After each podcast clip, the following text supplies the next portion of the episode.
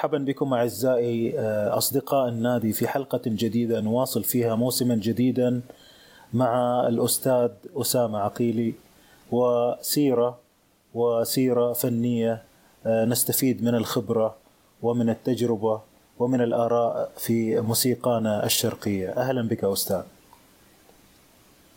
أهلا وسهلا. آه، أستاذي كالعادة في لقائنا الأول في النادي نبدأ بسيرة. فتكرم علينا بشيء من السيرة. آه لا أولا آه الموهبة بلشت بالأداء الصوتي. كنت يعني آه وأنا صغير يعني بيقولوا إنه صوتي حلو بغني. فشيئا فشيئا آه صرت كمان أتعلم تجويد تعلمت تجويد القرآن. و ذهبت إلى مشايخ حلب المعروفة يعني تعلمت عنهم التجويد نعم. والحمد لله يعني إنه نلت نصيب جيد يعني من هذا العلم. بعدين أشار علي أخي بإني أصقل الموهبة أكثر. إني آه، أدخل معهد موسيقى أتعلم موسيقى. نعم. فدخلت معهد حلب. معهد حلب للموسيقى. يعني كان عمري تقريبا شيء 15 سنة تقريبا. عندما بدأت. نعم. يعني هذا هو الجانب الرسمي في يعني كان فيه اهتمام فطري أو منذ الطفولة ثم انتقلنا بعد ذلك إلى شيء رسمي أو شبه رسمي في معهد حلب. نعم نعم صحيح. هلا بمعهد حلب طبعا أنا الفكرة مثل ما قلت لك في البداية كانت آه، الأداء الصوتي والإنشاد والغناء. نعم. آه فكان مدير المعهد ماجد العمري الله يرحمه بوقتها أشار علي إني أتعلم آلة موسيقية نعم. فاخترت آلة العود. آه بدأت آه يعني أتعلم. آه طبعا كان اهتمامي غنائي أكثر من كونه اهتمام في الآلة. نعم. ولكن بعد فترة هيك صار موقف معين يعني خلاني تقريبا أترك الغناء تماما. إيش الموقف آه هذا؟ ممكن نعرفه ولا نتجاوزه؟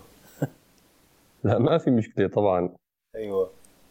هلا هو القصة إنه كان آه في آه مهرجان الأغنية السورية. نعم. كان راح يصير. ودخل الأستاذ ماجد على الصف لعنا. وسمعنا واحد واحد واختارني إلي لأكون ممثل لمعهد حلب في مهرجان أغنية السورية. نعم. ف بوقتها كان مستلم المهرجان الأستاذ صباح فخري الله يرحمه. فراح لعنده وقال له إنه أنا اخترت شاب يعني صوته حلو كذا. فالحاصل يعني من غير نسترسل في الحديث أيوه. جدا. الأستاذ صباح ما وافق يعني وقتها. وأنا كنت من المعجبين يعني الأستاذ صباح. فعلى اثره تركت الغناء تماما. صار عندي ردة فعل يعني. بقى شو هي الأسباب اللي ما وافق الأستاذ صباح فخري. مشان يعني أنا برأيي ما في داعي يعني اتطرقت له. أوكي. ولكن هذا اللي صار يعني. نعم. مفهوم. اذا إيش يعني الفائدة من هذا الشيء؟ أتوقع إنه صار في فائدة من هذا الشيء. هلا الفائدة إني اولا يعني هلا هو عموما إذا بدنا نحكي عن آه، طريقة تفكيري الخاصة. من الاساس يعني أنا ما يعني ما دخلت في المجال يعني بشكل تقليدي بمعنى إنه هو بالنسبة لي مو عمل يعني. م. هو غذاء يعني هو عبارة عن تعمق في الذات يعني. م. فموضوع ترك الغناء أتاح لي إنه أتعمق في الموسيقى أكثر وأفهم الأمور بشكل أعمق. لأنه بدأت بعد مسيرة بحث طويله وبالنهاية يعني فهم الموسيقي بيبقى بصراحة آه، أعمق من فهم المطرب مع الاحترام. يعني مع احترامنا للمطربين جميعا. نعم. ولكن باعتبار انه الموسيقي بيفهم اللغة الموسيقية كاملة يعني. بجميع مفرداتها. من غير الاحتياج ل... لكلمة. نعم. جميل جدا. يعني كان طبعا موضوع مفيد يعني. يعني آه، قضية إنه أنا تركت الغذاء بتوقع كانت بصالحي يعني. رب ضارة نافعة. نعم. طيب أستاذ خلينا في السيرة الآن. خلينا شوية آه، نفصل أكثر في السيرة. اعطيني أجواء العائلة أجواء التعلم. اختيارك للآلة المحيط الموسيقي تجربتك في المعهد إلى آخره يعني خذ راحتك يعني. آه، الحقيقة هو يعني الموهبة يعني أنا اكتشفتها أو اكتشفوها الأهل. آه كنت أدندن هيك ألحان. يعني والدي أنا كان ولا زال الله يحفظه هيك سميع يعني من الطراز الرفيع. نعم. فأول ما يعني التفتت أنا للألحان الجميلة وكذا كان بسيارة الوالد يعني. الوالد كان يحط أشرطة يعني ينتقي يسمع الشيخ بكي كردي يسمع أم كلثوم كذا يعني ولكن ينتقي شغلات حقيقة نادرة يعني.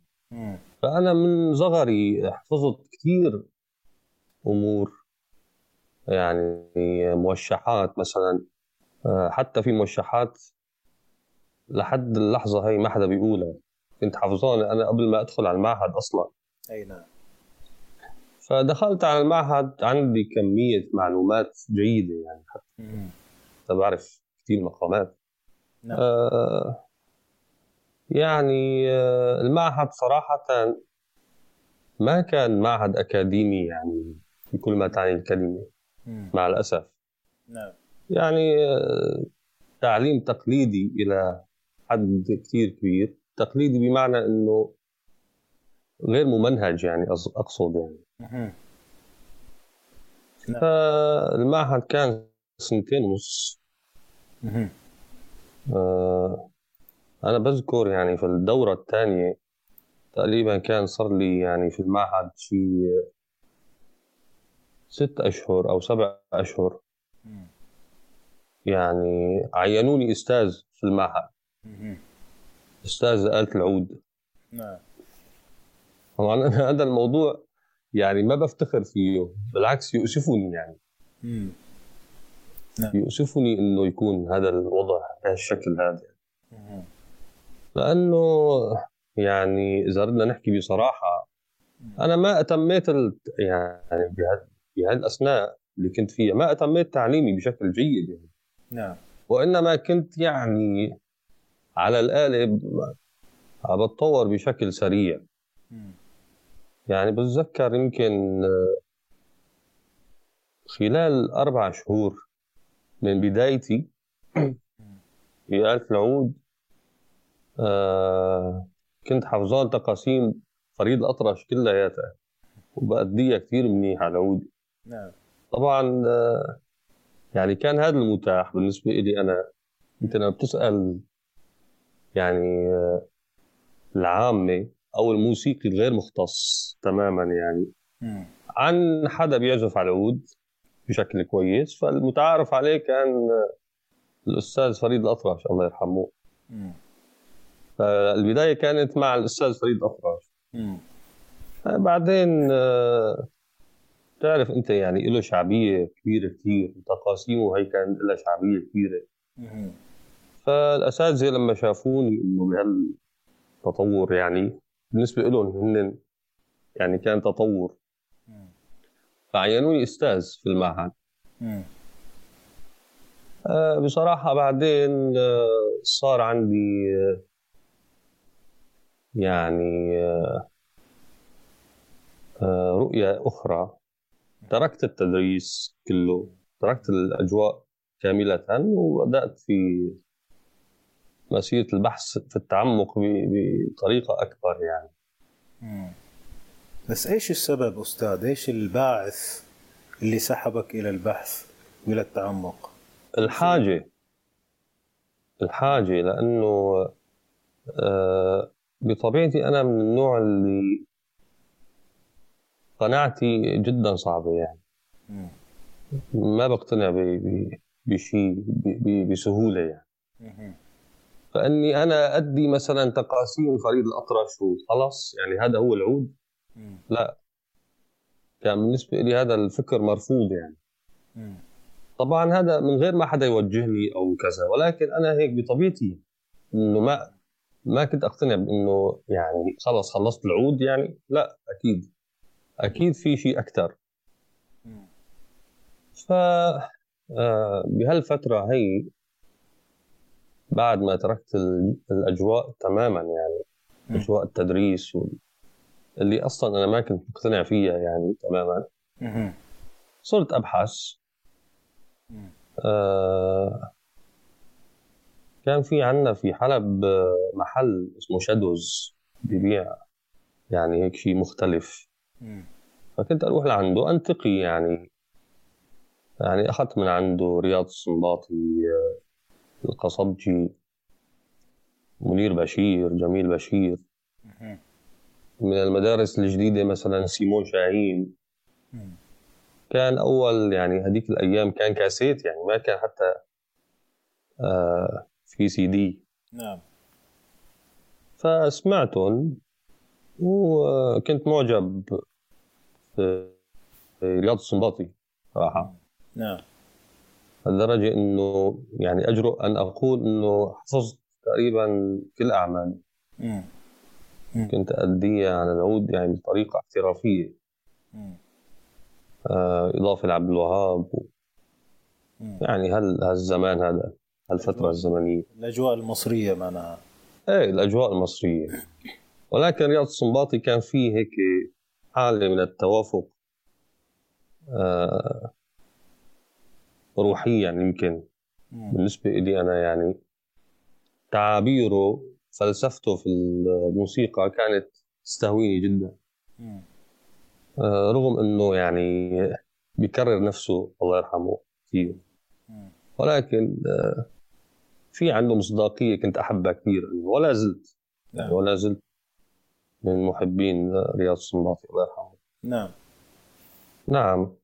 يعني آه، آه، بهالفترة هاي صار في تطور في مجال العود بالنسبة لي أنا آليا فكريا.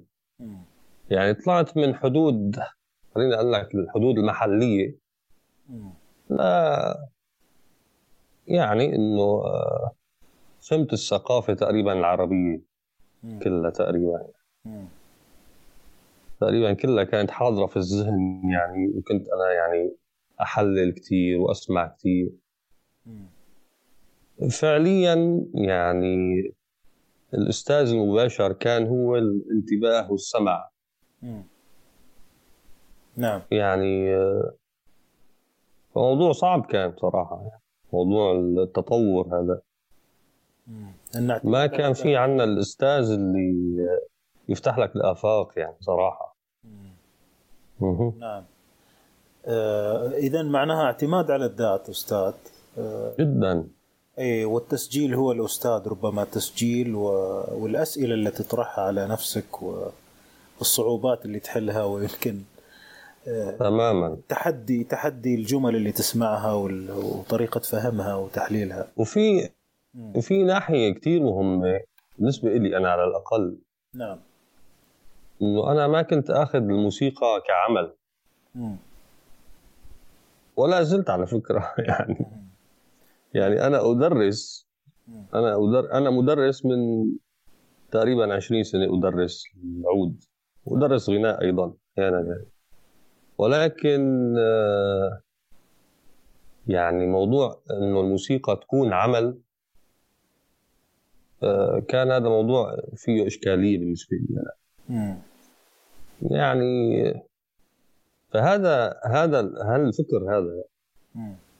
آه بصراحة بيهيئك إنه أنت تتعمق أكثر ليش؟ لأنه أنت لما تشتغل في الموسيقى وتصير بالنسبة لك شغل وعمل.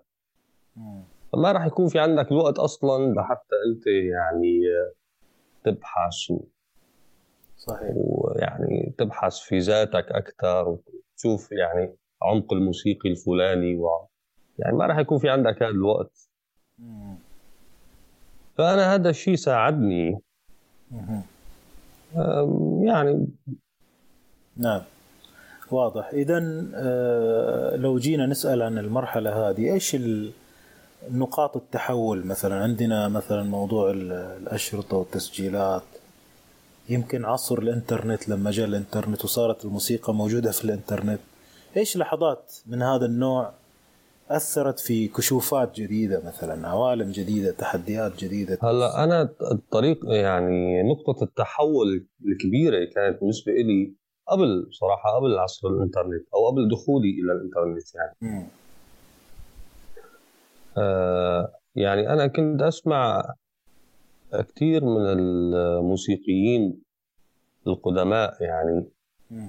كنت أنتقي تسجيلات على الكاسيت يعني. أسمع على الكاسيت لكن نقطة التحول الفارقة كانت لما سمعت شريف محي الدين. كان في صديق إلي كردي آه كان مخترع آلة وقتها. فشافني مدوزن العود على طريقة منير بشير. فقال لي أنت هذا الدوزان مين علمك اياه يعني؟ قلت له والله أنا تعلمته عن طريق السمع. فقال لي انت مدوزن مثل الشريف محي الدين. أنا ما كنت اعرف الشريف محي الدين ابدا. للأسف يعني.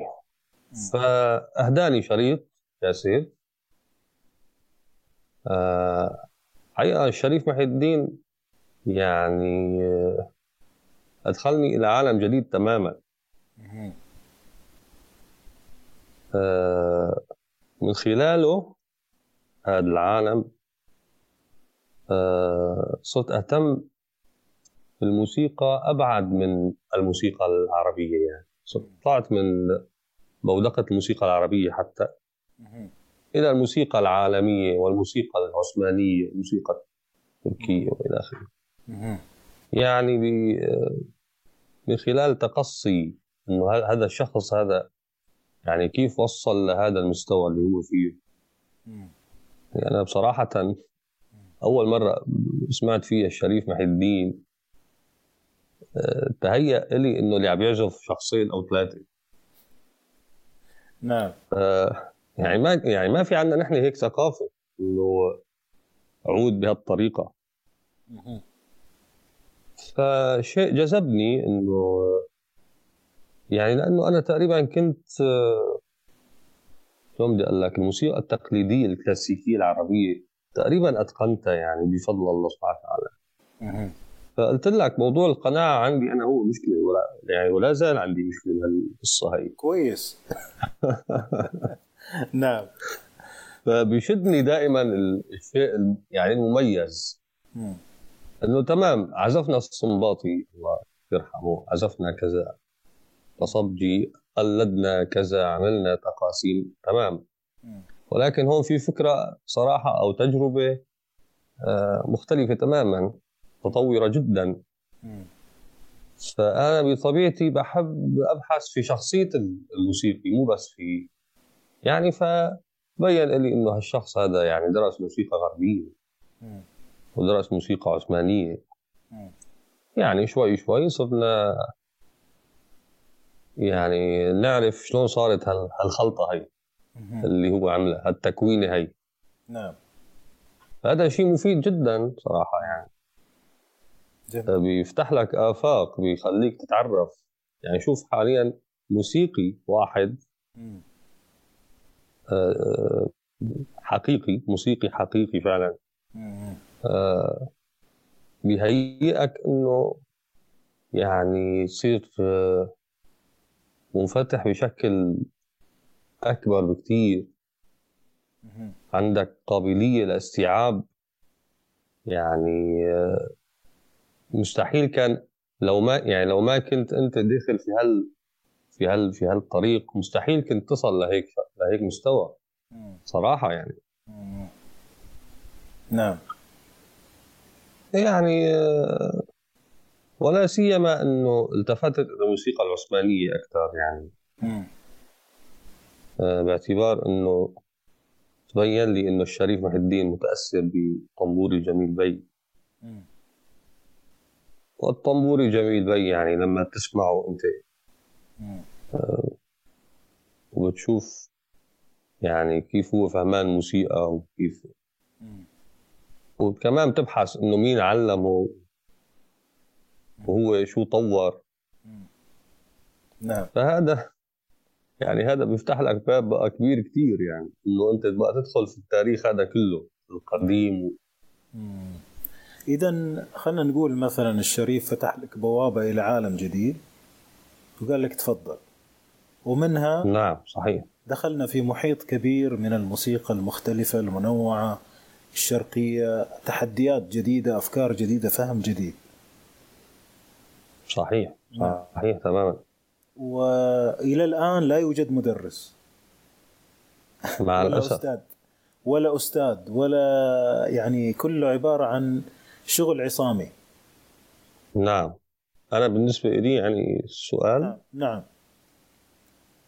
يعني لا يوجد مدرس ما فهمت السؤال بس. يعني قصدي الآن من خلال قراءة السيرة معك آه، واضح أن شغلك كله عصامي اعتمد على الذات. جدا والله. اعتمدت على التسجيلات على فك التسجيلات التأمل التفكير مثلا محاولة اكتشاف الدوزان اكتشاف طرق تنفيذ الجمل قوالب نعم. كل الأمور هذه. أتوقع أن من الصعب أن الواحد حتى يجد مادة مقروءة غنية خصوصا ما قبل عصر تماما الإنترنت. تماما تماما. هلا هو الحقيقة في يعني كان في احد يحكي الصراحة إنه نحن استفدنا مثلا من من فكر وليس من علم. يعني أنا أقول معلومة بأمانة يعني. بأمانة خالصة إن شاء الله. إيه. استفدنا من فكر آه، الشيخ سيف الدين زين العابدين. نعم. وليس من علمه. أنا بالنسبة لي بحكي أنا على الأقل على الصعيد الشخصي. نعم. أنا ما تعلمت من الشيخ سيف الدين زين العابدين. ما بعرف إذا الناس بتعرفه أو كذا. هو شخص آه، مختص. في التراث العثماني. وله باع كبير.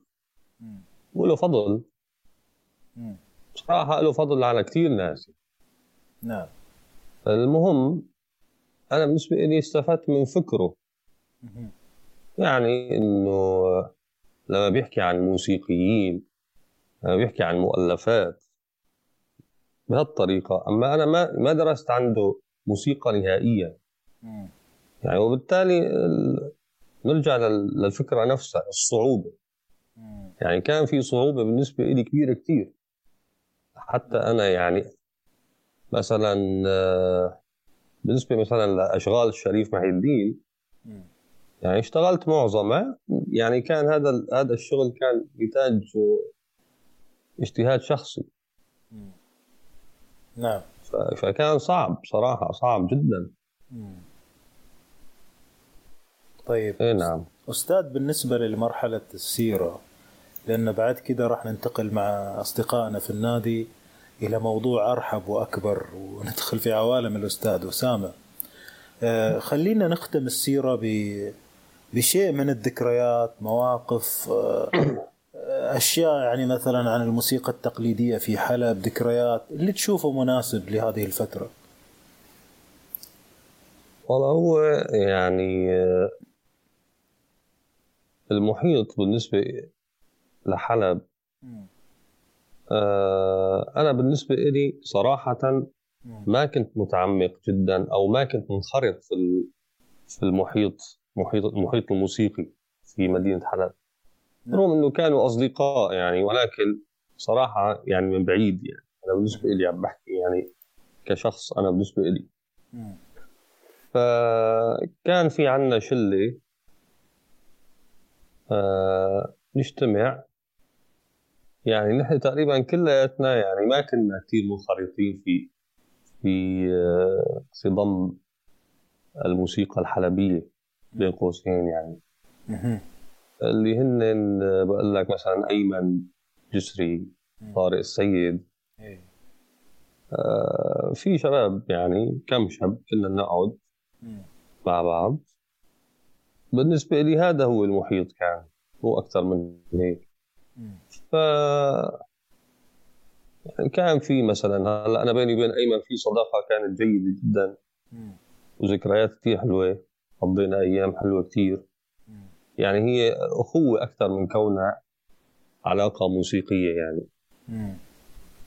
وبحكم إنه كنا نروح نزور سيف الدين زين العابدين يعني. آه نشأ بيناتنا حالة من الأخوة. اي نعم. آه ولكن صراحة يعني قلت لك أصلا نحن ما بنشتغل في الموسيقى. يعني مو عمل. فلذلك ما في انخراط. ما في انخراط بالجو الموسيقي. اي في حالة من ال يعني آه الزهد إلى حد ما يعني والعمل على البحث والدراسة. نعم. آه اذا يعني نقول نوع من العزلة. تقريبا نعم. يعني لا اخطئ ولكن ولكن عزلة غير مقصوده يعني عزلة يعني آه ليست لأجل الانفصال عن الناس. يعني اهتمام بأمور شخصية و وخاصة جدا اهتمام للذات اهتمام للشيء. تماما تماما. للفن. هلا هذا بالنسبة لي أنا؟ أما باقي الشباب يعني هلا أيمن وطارق وغيرهم اشتغلوا يعني بفترة من فترات كانوا ينخرطوا في المجتمعات أكثر مني. أنا بصراحة كنت يعني في حالة غياب. طيب أستاذ بالنسبة للموسيقى خلينا نقول الموسيقى المنتشرة أو التجارية ما جت فترة كده انجذبت بالخطا يعني اللي أفهمه الآن من السيرة إنك مهتم بنوع رفيع من الموسيقى. ما جت فترة مثلا والله في شيء ظهر الفترة المتأخرة في السبعينات التسعينات جملة غربية جملة جاز وين هذه الأشياء يعني؟ هذه تعتبر مذنبات يعني وأشياء تهبط علينا من كل صوب. نعم. هل فلت منها تماما ولا جر عندك تجارب؟ مش لازم نحدد أشياء بالتحديد يعني. نعم نعم.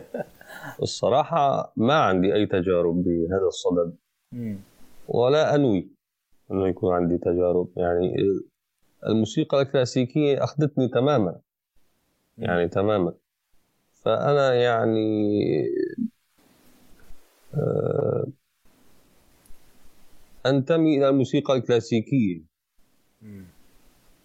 يعني لا يعنيني ولم تسحب. بصراحة لا تعنيني باقي يعني باقي الموسيقات ولكن بسمعها. ما عندي ما عندي ما لي حرب معها يعني. ما في حرب ولا في حالة من الإنكار التام. لا لا. ولكن يعني أنا لقيت نفسي في الموسيقى الكلاسيكية. فأنا بسمع كلاسيكي سواء غربي أو شرقي. نعم. نعم. آه، بالنسبة لي هذا أنا هون لقيت حالي. مو أكثر من هيك. من حسن مع احترامي لباقي الفئات وباقي الاذواق وباقي المدارس. أقول بشكل عنصري نكون عنصريين الآن يمكن هذا من حسن الحظ لأن الواحد يعني يحتفظ بوقته وبجهده. وبتركيزه أكثر في المجال اللي يحبه يعني. تماما. يعني آه، في فكرة إنه لما بناخذ موسيقى بشكل جدي أو بناخذ الأمر بشكل جدي فأنت بتبلش في بحث ما بتحسن آه، يعني آه، تلتفت لغيره لحتى تخلصه تماما أو لحتى يعني تصل لمرحلة تقول إنه تمام فهمت أنا هالفكرة. نعم. فبالتالي نرجع لموضوع إنه الموسيقى عمل أو غير عمل. نعم. يعني ما كنت مضطر أنا لحتى يعني التفت لشيء ثاني وأنا بصدد الموسيقى الكلاسيكية. ماني مضطر. نعم. جميل. طيب أستاذ لننتقل للموضوع الآخر يمكن نتوقف مع مستمعينا ومتابعينا من أصدقاء النادي مع شيء من عزفك. وذكرا للشريف هل لنا بقطعة معزوفة بعزفك من آه، شغل الشريف؟ إن شاء الله. نسمع إذا بتحبوا كابرس كابرس تأمل. نعم. إن شاء الله هيك ينال اعجابكم إن شاء الله. اذا أعزائي المستمعين نتوقف مع هذا التسجيل. مع الشكر الجزيل للأستاذ بتكرمه علينا به.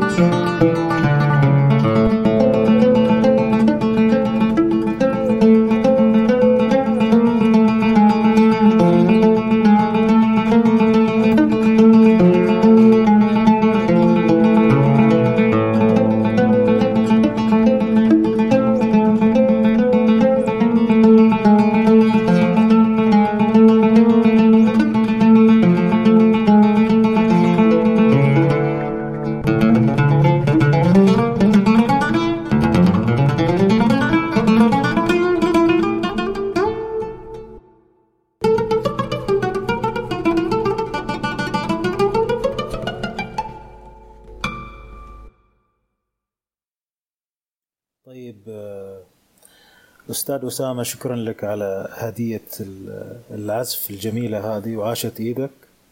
آه، الآن سؤالي لك خلينا نتكلم عن الجديد اللي طرأ عليك بعد افتتاح آه، بوابة الموسيقى الشرقية والموسيقى العثمانية. نعم. هلأ آه، يعني أنا كنت مثلي مثل غيري. من الموسيقيين اللي بيتعاملوا في الموسيقى العربية على أنه هي آه، موسيقى بصراحة غنائية أكثر من كونها موسيقى آلية. آه، فبالتالي قيمة المقام أو مفهوم المقام عموما كان مفهوم ضئيل جدا يعني. آه ما كان ما كنا نتطرق له. إنه نعم. خلص نحن بنسمع مثلا آه، أغنية فبنسمع التأليف بشكل عام. ما بنسمع نحن ما بندقق على آه، مقاميه القطعة الموسيقية. أيوه. فالموسيقى العثمانية فتحت لي أفق جديد في هالمجالات بحيث إنه أنا يعني أفهم المقامات بشكل آخر. آه، من خلال المؤلفات اللي كنت أعزفها يعني وأحللها وأسمعها كثير وأسمعها من أكثر من شخص. يعني هذا باب كبير صراحة يعني باب كبير جدا. يعني لا أدري من أين سنبدأ. إيه طيب يعني لو توقفنا عن موضوع السماع سماع الكثير ومن أشخاص متعددين آه، ونقارنها مع تجربة الموسيقى العربية مثلا والفكرة المقامية. إيش إيش القصد بالضئيل عشان المستمعين يكونوا معانا في فهم الفكرة؟ تقول مثلا المقام كان آه، يقدم بشكل ضئيل موضوع الغنائية معناها المقابل الموسيقى الآلية. هلا هو بصراحة السائد يعني كان نحن عنا عموما في الموسيقى العربية هو يعني أنا من وجهة نظري موسيقى تجارية بصراحة. لأنه يعني طبعا شيل الموشحات شيل الموشحات والأدوار القديمة. ما تبقى هي موسيقى يعني لها علاقة كثير في في آه، السوق والتجارة. يعني بتحس إنه الملحن مطلوب منه إنه يلحن. خلص لازم يلحن. فبالتالي آه، بيطلع معه منيح بيطلع معه مو منيح. هذا حظ بصير حظ يعني.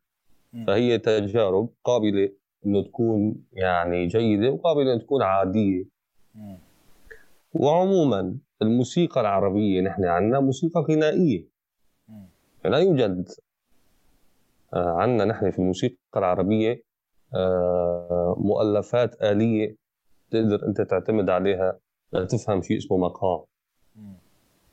وللأسف لا يوجد أيضا موسيقى غنائية بتقدر تعتمد عليها لتفهم المقام. يعني للأسف. ولكن الغالب والطاغي والمسيطر هو الموسيقى الغنائية. نعم. فأنت بتفهم يعني بتسمع مثلا السائد هو أغاني أم كلثوم اللي كان سائد في العصر الماضي يعني أغاني أم كلثوم عبد الوهاب. بتسمع الملحنين يعني. في شيء جيد جدا في شيء ممتاز في شيء جميل وفي شيء عادي. بالنهاية هي تجارب آه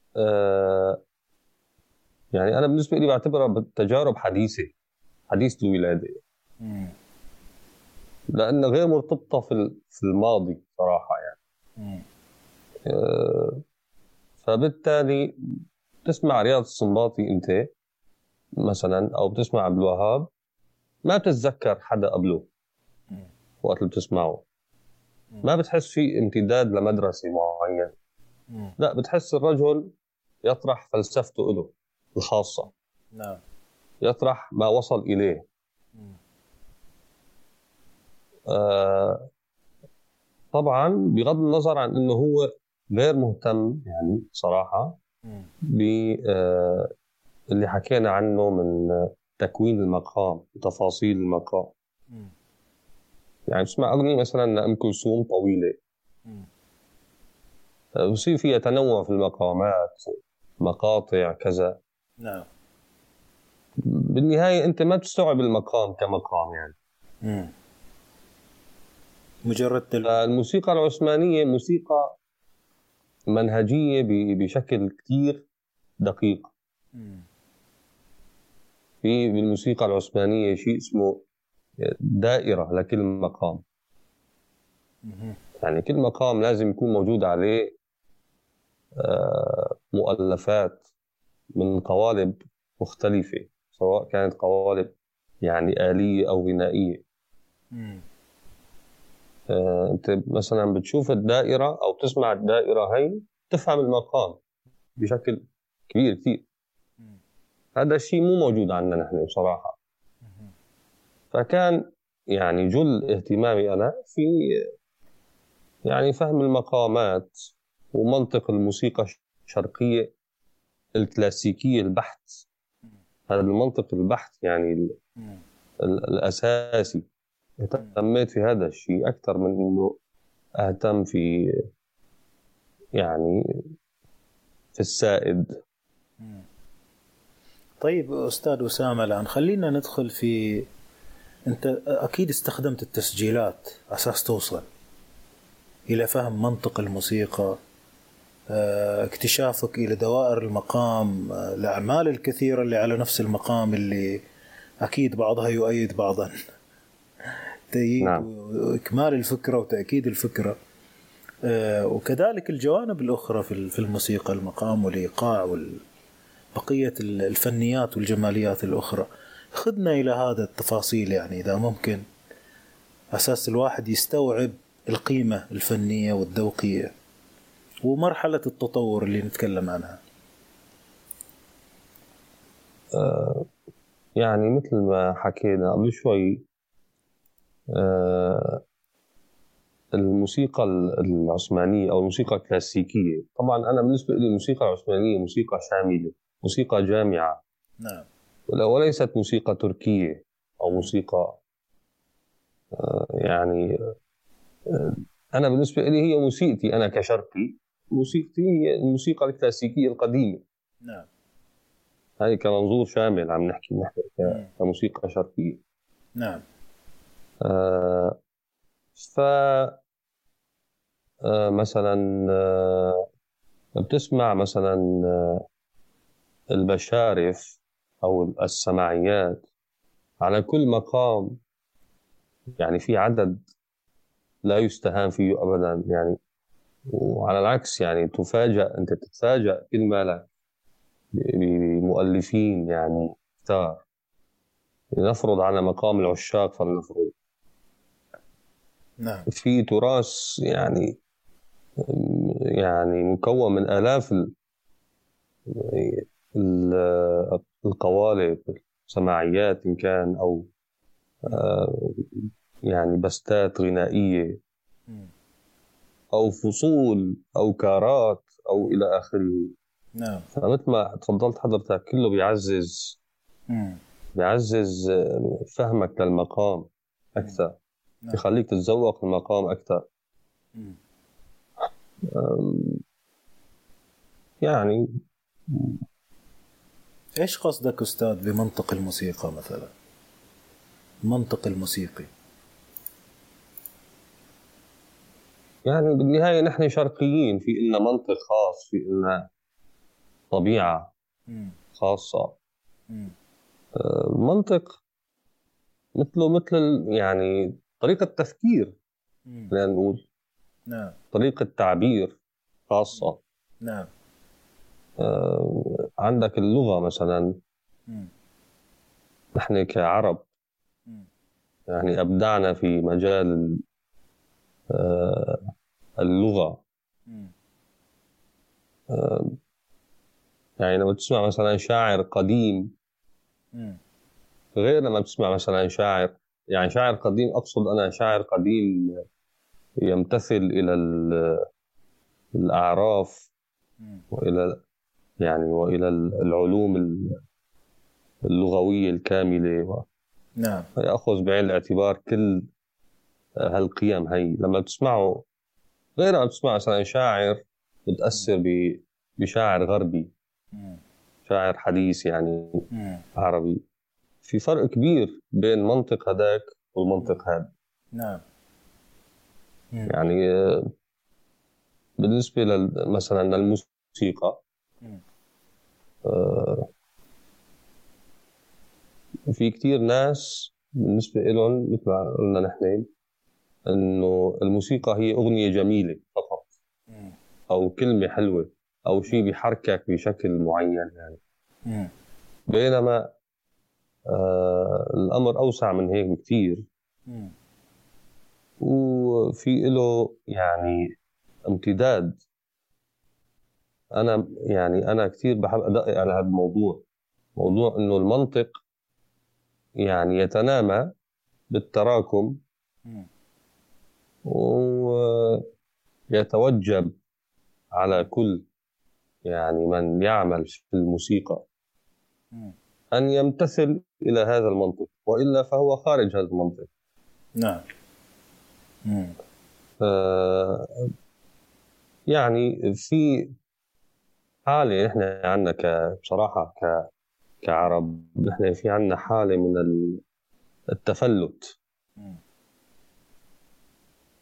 ندعي إنه هذا تطور. في حين إنه هذا أنا بالنسبة لي بسميه تخلف. يعني إنك أنت ما تعرف لغتك الأساسية ما تعرف منطقك ما تعرف كيف جدودك بيحكوا. أنت أنت شلون لازم تعبر عن حالك هويتك نعم. وتروح آه، تلجأ لمنطق آخر فهذا تخلف وليس تطور. هذا هو المنطق. بالنسبة لي أنا المنطق هو عبارة عن يعني سلسلة من المفاهيم المتصلة في بعضها. يعني ممتدة عبر التاريخ. بالنسبة لنا إحنا الشرقيين يعني. نعم. يعني شيء من الثقافة أستاذ يعتبر المفهومة للموسيقيين وللمهتمين بالموسيقى كمستمعين. صحيح. إيه. نعم. ويمكن يعني نربطها مثلا بعمق المقام والشيء اللي بيوصله المقام والشيء اللي بتوصله القطعة. يعني تعزيزا لكلامك السابق. يعني القطعة لما نسمعها مثلا إذا كانت قطعة متقنة وكاملة وليست مصنوعة للتسلية. إيش اللي يوصلنا منها؟ باستخدام هذا المنطق أو وصولها لنا يعني كقطعة متقنة. هلا المتقنة كلمة متقنة كمان الإتقان منطق. نعم. يعني قد يعتبر البعض أنه أتقن تنفيذ قطعة معينة. فيما يعتبر البعض الآخر أنه أساء إلى هذه القطعة فيعني هذا كله كمان منطق. في يعني عنصر مهم كتير المفروض نحكي فيه إذا بدنا نتبحر في الموضوع اللي هو آه، يعني الأدب في الموسيقى والتربية. آه ما يميز الموسيقى العثمانية واللي خلاها فعلا تتطور هو آه احترام احترام المؤلفين. أول شيء احترامه لنفسه بحيث إنه هو ما بيقدم شيء غير مقتنع فيه ولا بيقدم شيء آه، بغرض الشهرة فقط. نعم. لا كان أول يعني الناس تقدم الفن لأجل الفن. تماما يعني. نعم. فهي الناحية الأولى. الناحية الثانية في احترام للمؤلف مثلا آه، المؤلف هو عبارة عن رسالة. رسالة مؤلف. أنا عندما يعني سوف أقرأ هذه الرسالة يجب أنه أنا أحترم مضمون الرسالة تماما. مو أنه أنا يعني أؤدي الرسالة بشكل لا يريد المؤلف. نعم. فهون في منطق يعني كمان. في احترام في أدب. آه هذا الشيء بتشوفه أنت مثلا بالموسيقى مثلا التركية الموسيقى الأذربيجانية الموسيقى الفارسية بتلاقي هذا الشيء.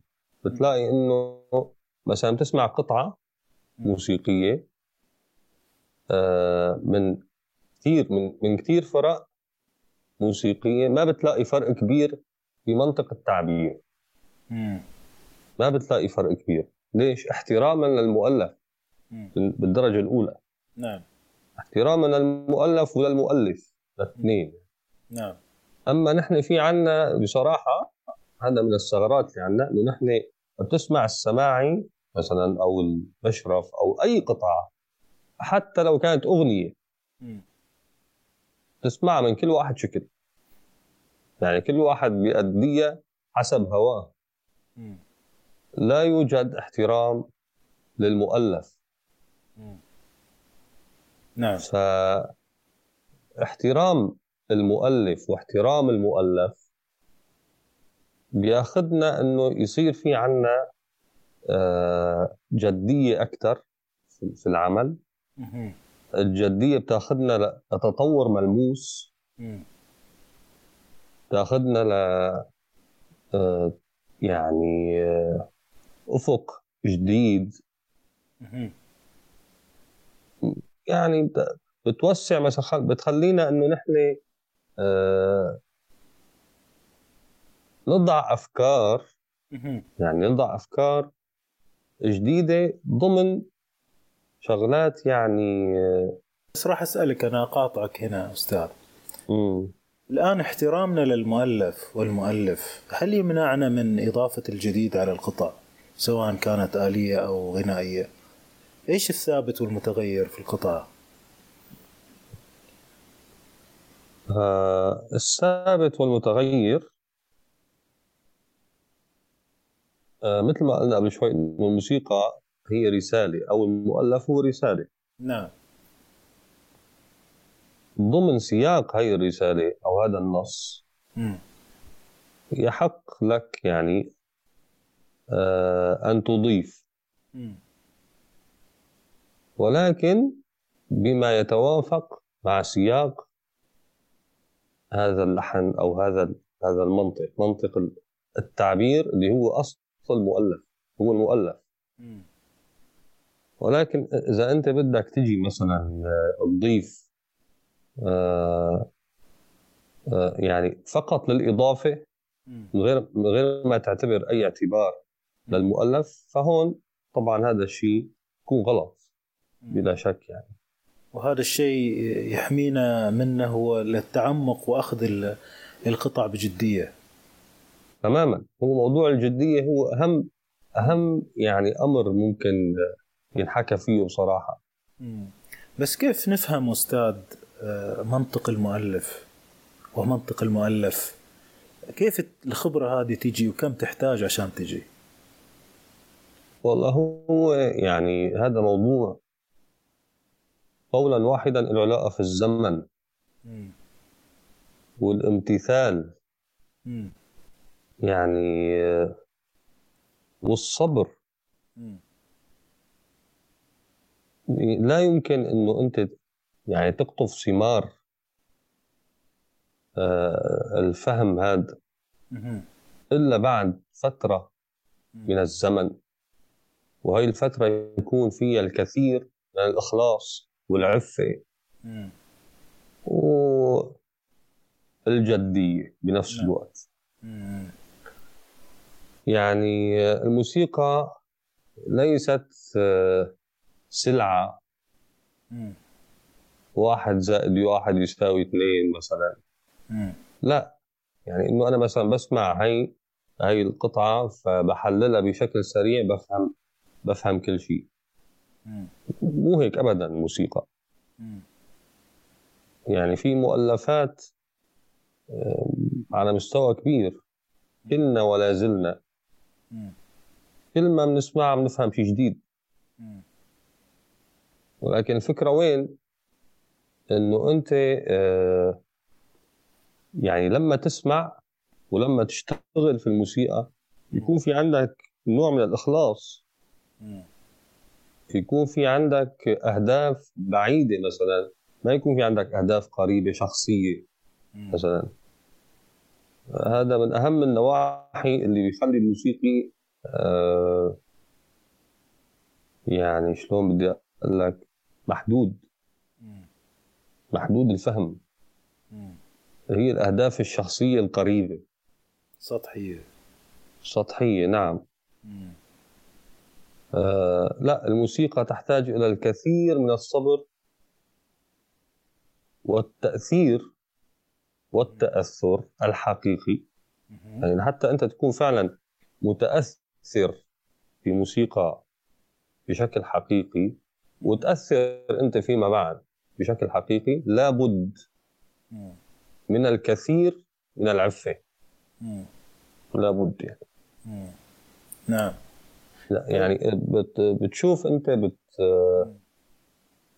بتساوي هيك استطلاع على الموسيقيين العظماء. ما في حدا فيهم كان يعني رايد يكون سوبر ستار مثلا. نعم. ما في حدا فيهم أصلا همه الشهرة ولا هو عم يشتغل في في الموسيقى لأجل هالموضوع ابدا. الموضوع بالنسبة لهم فلسفي عميق جدا. آه ولذلك بتلاقي بيأثروا هن في في ثقافة. بيحطوا يعني بيطلع منهم مؤلفات بتأثر بثقافة مجتمع كامل. لأنه هو بالنهاية يعني آه، آه، موسيقي يبحث في مكنون النفس البشريه يعني الموضوع خطير وكبير كثير مو إنه يعني موسيقى تؤلف وبس يعني ونسمعها بتكون حلوة. لا. إيه. موضوع أخطر من هيك صراحة يعني. طيب أستاذ عودة إلى آه، فكرة الموسيقى كرسالة. آه، ودنا بس نلمس عدة نقاط في الموضوع هذا. هي طبعا رسالة غير كلامية. نعم حتى لو كانت غناء يمكن المستمع يلخبط يقول طيب الغناء في كلام تحدثا عن القطع الغنائية العظيمة طبعا آه، هي رسالة أبعد من الكلام حتى قيل أن لو كنا باستطاعتنا التعبير عن ما تقوله الموسيقى لما احتجنا للموسيقى كان كتبناها شعر أو كتبناها نعم. قصة نعم. أو كتبناها بأي شكل من الأشكال فحدثني عن الرسالة الموسيقية هذه. إيش أي صنف من الأصناف هي؟ إيش مكوناتها؟ يعني موضوع ضخم صراحة. يعني نلمح لبعض الأشياء من الخبرة ثم ننتقل لبقية المحور هذا. آه، أولا آه، الموسيقى سهلة التحليل أو سهلة الت... إنك تعبر عنها بشكل سريع وسهل. آه، فهي قولا واحدا موسيقى بسيطة. الموسيقى هي آه، آه، كلام آه، يعني تشعر به وتعيشه تماما من غير ما تعرف له منطق أو أو مو منطق. يعني ما تعرف له تفسير؟ تفسير تماما تفسير. نعم. الموسيقى أنا بعتبر رسالة آه، تمثل آه، يعني آه، الحالة الإنسانية الكاملة التي يعيشها الموسيقي. الحالة الإنسانية سواء كانت حالة عاطفية خاصة سواء كانت حالة اجتماعية سواء يعني سواء كانت حالة مثلا بتتعلق في آه، الحروب أو ال يعني ما بعرف الكوارث عموما يعني اللي عم تصير في في العالم فالموسيقي يتأثر أو الفنان خلينا نقول يتأثر بكل ما حوله. وبالتالي يعني بيحط بيضع موسيقى تعبر من خلال يعني وجهة نظره تعبر عن آه، الشيء اللي عم يعيشه. عموما. يعني هلأ مثلا نذكر إنه على سبيل المثال الشريف محي الدين الله يرحمه أيوه. آه يقال إنه بحرب العراق تأثر وقت صار حرب العراق. فكانت الخانة الأخيرة من سماع عشاق بالنسبة له هو غير مرضية. باعتبار أنه كان متأثر. يعني فالموسيقي شخص حساس جدا يتأثر آه، بالقريب والبعيد. أنا بتكلم عن نفسي مثلا. يعني من 12 سنة تقريبا إلى حد اللحظة هي. يعني أتعامل مع الفن بصعوبة صراحة. بسبب الأوضاع اللي عم نعيشها الأوضاع العالمية أوضاع الحروب أوضاع الكوارث اللي عم تصير في في في البلاد عموما. ف كيف بدها كيف بدها تنتج منك موسيقى آه، كاملة العناصر وأنت مضطرب؟ الموسيقي إنسان حساس جدا.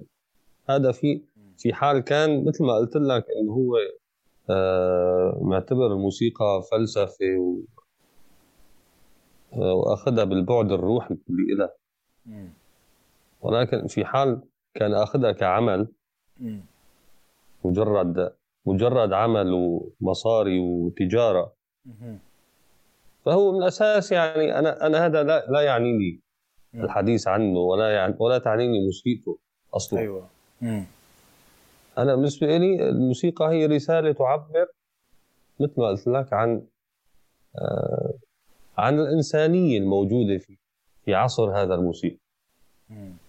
سواء كانت الموضوع عاطفي سواء كان ديني سواء كان أي شيء. بيعبر الموسيقي بينقل هذا الواقع من خلال الموسيقى. ولذلك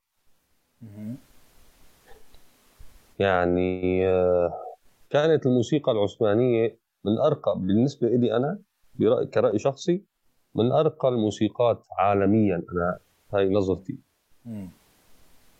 لأنه كان في معايير معايير في المجتمع آه، أخلاقيات أمور ساعدت بأنه آه، هل الإنسان هذا يتطور. هل الإنسان يستقر؟ يعني يستقر فكريا يستقر منطقيا. وبالتالي بيفكر بشكل صح. وبالتالي بيطلع مع موسيقى صح.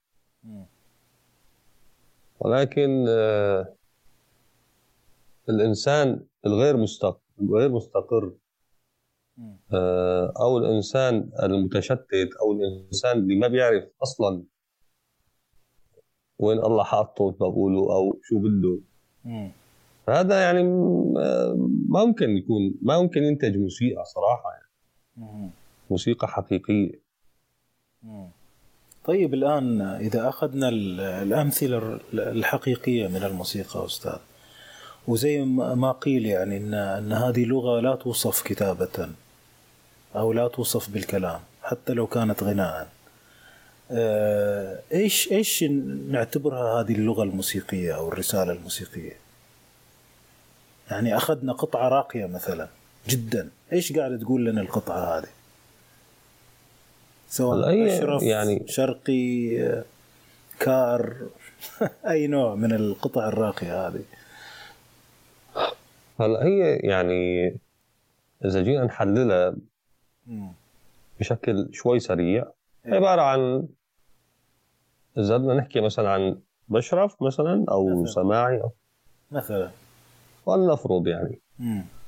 هي عبارة عن إنه الملحن آه ينتقي أصوات ويضع يعني لها أزمنة بشكل معين بحيث إنه يصنع جملة تعبر عن حال. تعبر عن حال. لأن الموسيقى بالنهاية هي حال يعني. نعم. والحال يعني قد لا يشرح. نعم. فبالتالي هي عبارة عن مزيج من هال آه، والأزمنة. آه، بيعبر من خلاله الموسيقي عن عن حاله عن مشاعره عن وجدانياته. آه يعني فقط ما عندي شيء أزيده ولكن هذا موضوع يعني بنفس الوقت موضوع طويل. يعني ممكن إذا كان شعبنا فيه قصدي يعني ندخل في اي هو يستحق يعني يمكن ناخذ أمثلة حقيقية ونحللها في وقت آخر إن شاء الله في لقاءات قادمة. إن شاء الله. آه آه لكن خلينا نختم هذا محور الموسيقى العثمانية بسؤالين. السؤال الأول يعني كيف تطورت الموسيقى العثمانية بهذا الشكل؟ و... وكيف صار مثلا هذا الغنى والضخامة جدا في في كل هذه الأعمال وكلها متعلقة في بعض ومصنفة بتصنيف عالي وكذا؟ كيف صار هذا الشيء؟ هلا قلت لك أول شيء الوضع العام كان مهيأ. نعم. وضع الدولة ابتداء من السلطان وأنت رايح.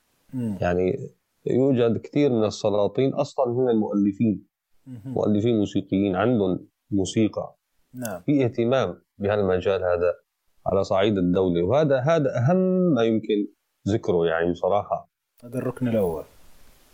يعني تماما آه الموسيقي عندما يحتاج إلى مال مثل ما قلنا قبل شوي لن يبدع موسيقى حقيقية أو لن لن تعني لن يعنيه التطور أصلا. ولكن أنت لما بتريحه وبتخصص له مثلا راتب أو بتساعده في المجال هذا المجال المادي. بتريحه تماما فهو بيعود يعني بيفكر بطريقة أخرى.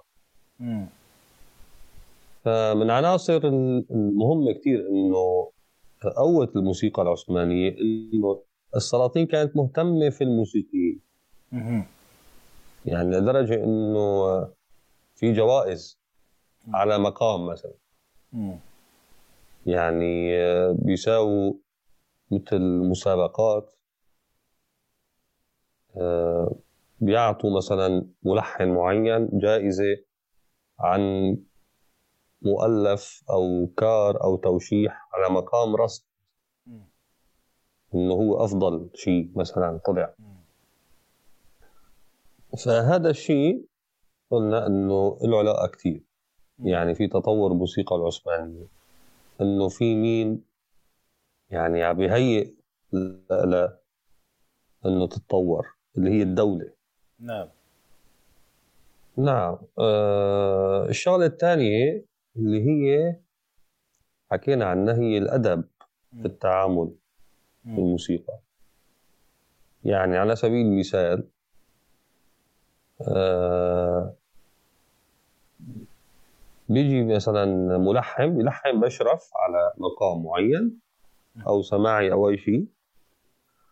طبعا هذا الملحن بيكون يعني آه، سمعان كتير حفظان كتير متربي كتير. آه، آخذ الموسيقى في في آه، يعني من عدة نواحي. الموسيقى العثمانية هي قسمين صراحة هو قسم مولوي وهو قسم كلاسيكي بحت. ف بالنسبة للأعمال اللي أثرت فعلا في الموسيقى في ثقافة الموسيقى الشرقية. هي صدرت من أشخاص متأثرين ب بهال بهالقسمين. نعم. آه فبيساوي مثلا قلنا إنه بيساوي لحن على مقام معين. نعم. آه من ناحية بيستوفي شروط المقام بشكل كثير كبير لدرجة إنه أنت ممكن تتعلم المقام من هذا المؤلف هاي من ناحية. من ناحية ثانية بيفرغ كل وجدانياته بشكل يعني كثير منمق ودقيق في هذا المؤلف. طيب بالتالي ينتج عندك أنت يعني مقطوعة غاية في الروعة. هاي المقطوعة تؤخذ بعين الاعتبار. هون هون في هذا يعني فكرة الأدب. إنه ما بيجي حدا مثلا بيتجاهل لهي المقطوعة أو بيقول لك لا مو حلوة أو أو بساوي وحدة ثانية مثلها. آه، أو يعني في في حالة من الأدب والامتثال. نعم. يعني مثلا آه بشرف شد عربان جميل بيك المفروض. طبعا جميل بيك يعتبر من آه، الموسيقى من آخر الموسيقيين العثمانيين. آه الرجل يعني أفرغ كل تجربته ومشاعره في هذا البشرف وطلع هيك يعني مقطوعة يعني آه، غنية. كل ما بتسمعها أنت بتسمع شغلة جديدة تسمع معاني أخرى ثانية لا يمكن هلا هون الموضوع لا يمكن إنه يجي واحد مثلا مين ما كان مهما كانت أهميته يعني يضع لحن ويدعي مثلا إنه هو يجاري مثلا لحن فلان. هذا هذا الطرح غير موجود. في حالة من الأدب.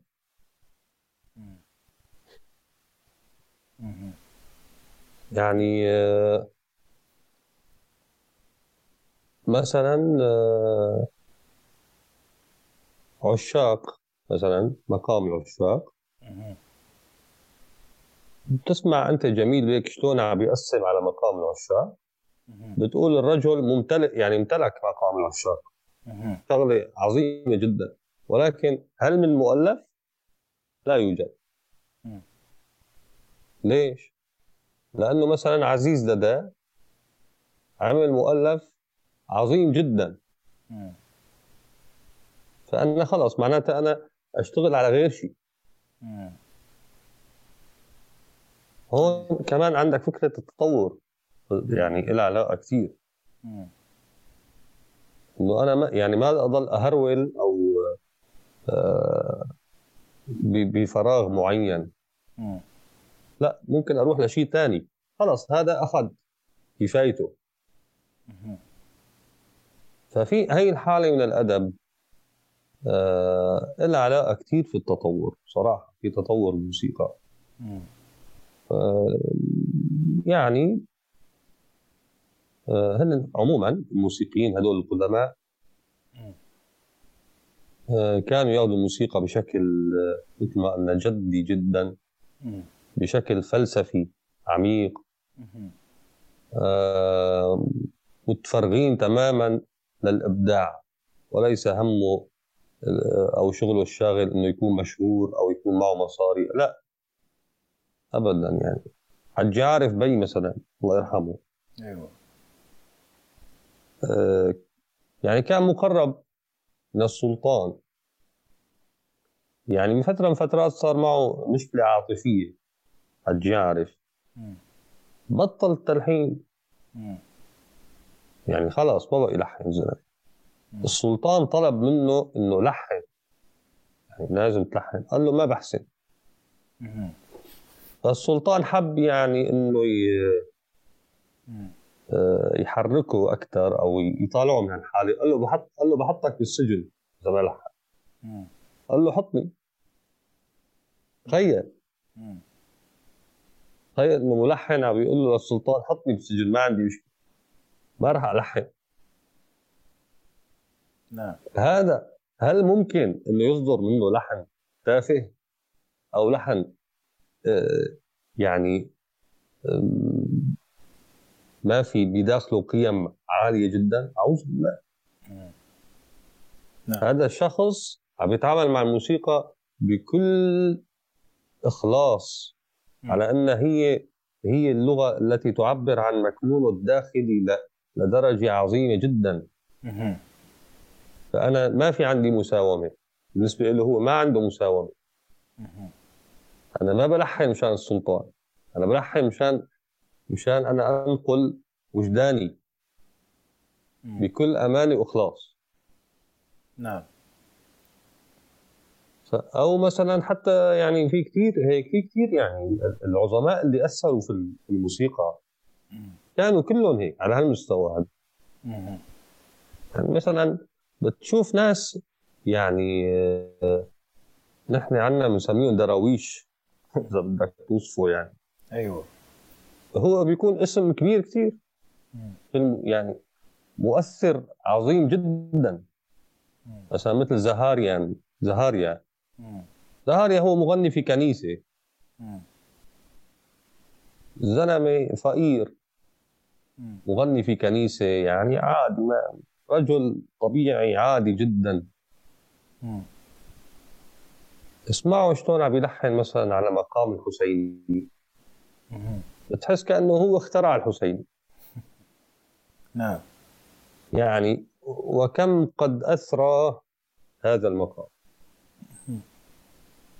طيب هذا لو لو لو شخص همه المادة. أو همه الشهرة. بيطلع معه هذا التاثير مستحيل. لأنه بالأصل محدود المدارك بيكون. الإنسان اللي آه، همه أو شغله الشاغل الشهرة وال والتجارة هذا إنسان محدود. أصلا محدود. أصلا. ما بي ما بيحسن يعني ما بيطلع منه موسيقى ساميه موسيقى مؤثرة فعلا موسيقى حقيقية. تلبية الطلبات. تماما. يعني هلا مثلا نرجع نذكر مثلا طنبوري جميل بي. أنا صحيح بذكره كثير ولكن هو صراحة يحق له هذا الذكر. يعني الخديوي خديوي مصر أرسل له باخرة. باخرة مهيئة باخرة يعني على مستوى الملوك. مع رسالة من صفحتين. عم بيمدحوا فيها وبي يعني بي بأبهى ما يمكن. وبيخاطبوا بالتفخيم.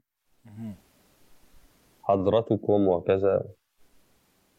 إنه عم يدعي لها عنده إنه تفضل إذا بتقبل دعوتي. ما راح. يعني ما راح مو إنه هو است... يعني استخفافا بالسلطان ولكن هو ما بيعني هذا الموضوع. أنا يا أخي ما ما بيهمني إنه هو بالنسبة له ما بتهمني الباخرة ولا بيهمني هو بالنسبة له يقعد مع مزارع بيجوز الجنينة بيفهم عليه وبيفهم على لغته هي وجدانياته هذا بيكفيه نعم. هذا هو صاحب الشد عربان والمحير وهالالحان التي أعجزت النقاد؟ هذا هو صاحبه. وليس صاحب آه، صاحب شركة الإنتاج الفلانية. نعم. طيب أستاذ آه، على موضوع التطوير الآن آه، في في محور الموسيقى العثمانية موضوع التطوير والتأثر والتوسيع. الآن نشوف مثلا مثل ما قلت المؤلفين يتردد كثيرا قبل أن يضيف قطعه حسيني على القطع الحسيني السابقة. نعم. أو العشاق أو السيقاء أو إلى آخره. حتى تأتي إليه فكرة مقنعة يتقدم أيوة. بها ويخلد أيوة. العمل يصبح خالدا ويسبب التردد للجيل التالي. كيف التجديد هذا يصير؟ كيف التطوير؟ لأن إحنا ودنا نشوف هذه تجربة التطور والتوسع والأرشيف الضخم اللي صار الآن. هلا اولا الموسيقى يعني لا تنتهي عند قطعة معينة. م. هذا من وجهة نظري أنا. أكيد مثلا آه مثلا فلنفرض سماعي حسيني طاطيوس أفندي. أكيد مو هو السماعي الأخير في الوجود اللي بيحكي عن حسيني لا. يعني الموسيقى والفن عموما شيء يعني يتجدد ولكن يحتاج إلى ان يكون يعني يكون خلف هذا هذا الشيء يعني أشخاص على مستوى بصراحة. يعني كيف يتطور؟ سؤال حضرتك. يتطور بتطور الأشخاص. بالمرحلة الأولى. يعني آه شلون بدي أقول لك؟ يعني إنه شخص لا يمتلك العلم الكافي لا يمتلك التربية الكافيه لا يمتلك المنطق الكافي. طبعا المنطق ليس في الموسيقى فقط أو التربية ليست في الموسيقى فقط. يعني في كل شيء المفروض يكون إنسان واسع المدارك يعني. حتى يستطيع يضيف. نعم. وإلا ممكن يضيف. هلا في كثير ناس بتعتبر حالها إنه هي عم بتضيف. ولكن هو ما بيضيف شيء بالعكس. يعني هون هون موضوع التقييم هذا والتقدير يحتاج إلى عقول كبيرة. ما حيلا حدا ممكن يقول والله أنا بضيف.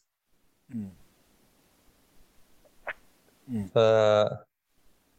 يعني يحتاج الأمر إلى موسيقي متطور وناقد متطور أيضا. بس معناها لازم يكون شاف خير.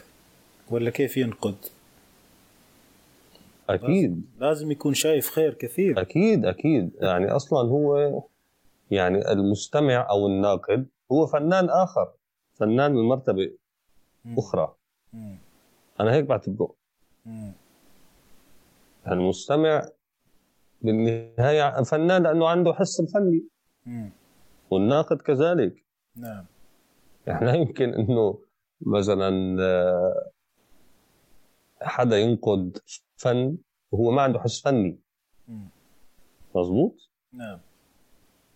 فبالتالي آه، لابد انه يكون آه، الطرفين في حالة تطور المعطي والمتلقي في حالة تطور وهي حالة التطور حتى تكون حقيقية لازم مثل ما حكينا إنه يكون في مصداقية وعفة والفن آه، بمنظور فلسفي عميق. يعني نعم. وحالة اكتفاء مادية. كل الظروف هذه يعني. يعني هاي الظروف كلها يعني آه، لازمة لتطور الموسيقى أو أو لوضع إضافة حقيقية فعلا. جميل جدا. طيب أستاذ أسامة خلينا نتوقف الآن بعد هذا المحور الطويل نوعا ما مع شيء من شغلك من تسجيلاتك. إيش تختار لنا؟ آه تحب غناء الموسيقى. خلينا ناخذ غناء هالمرة. يعني عزف ولا عزف وغناء؟ يعني أنا غناء. خلينا ناخذ غناء. طيب آه، ممكن نسمع مقطع من تسجيل أنا مسجله موجود على اليوتيوب؟ آه يا حبيب الروح مقطع من قصيدة يا حبيب الروح لرياض السنباط إذا راح نسمع آه، يا حبيب الروح.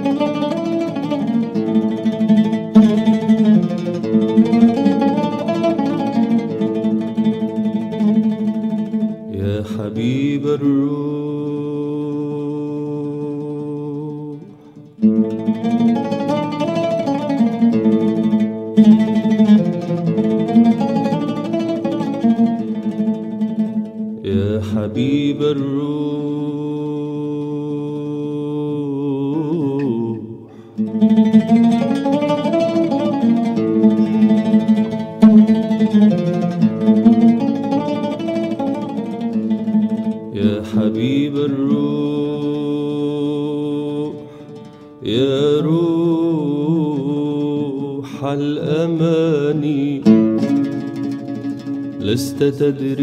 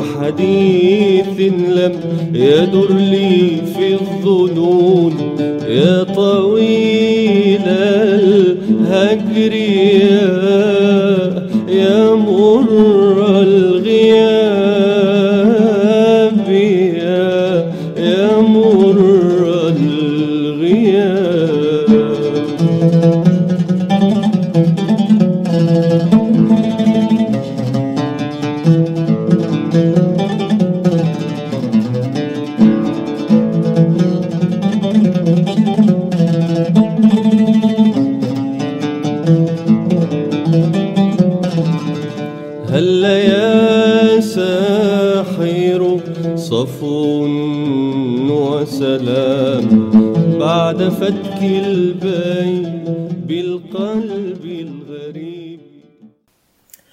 أستاذ أسامة بعد حبيب الروح آه، خلينا نتكلم بشكل مقتضب عن المفهوم الشامل للموسيقى الشرقية. نعم. لنفرض فرضا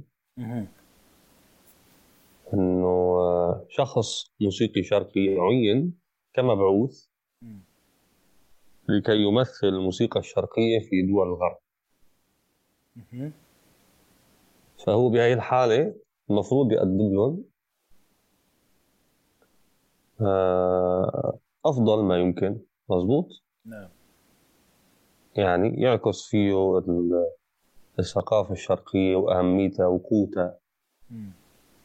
فنحن كعرب يعني أين نحن من الإضافة إلى الموسيقى الشرقية كمفهوم شامل؟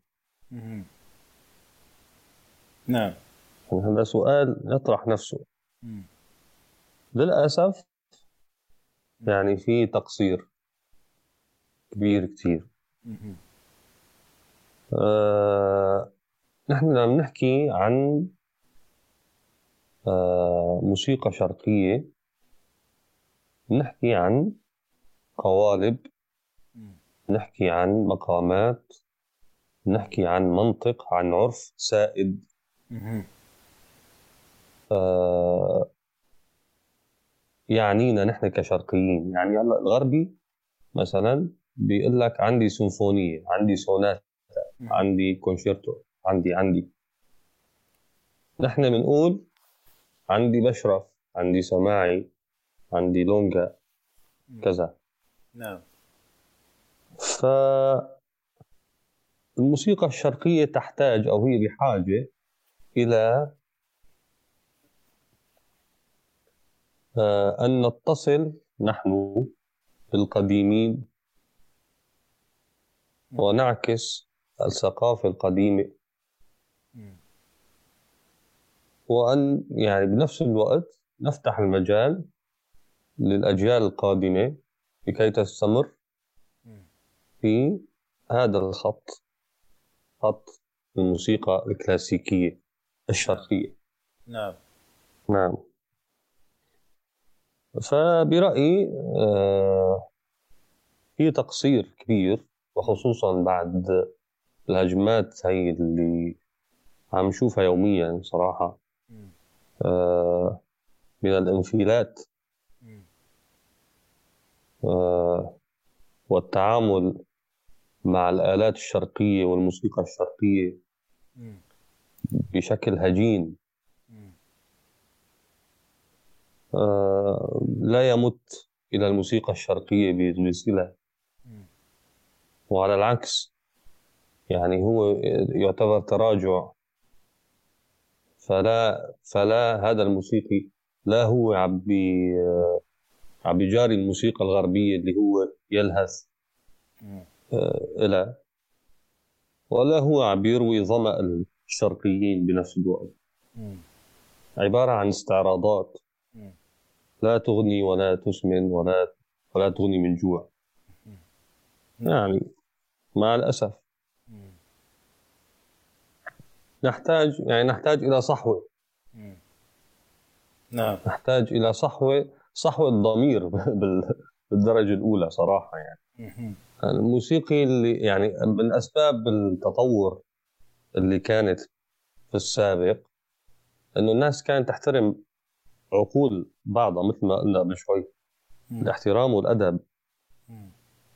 يعني مما يعني إنه لا يمكن يكون في آه موسيقي بيضحك على عقول الناس بقطعة معينة.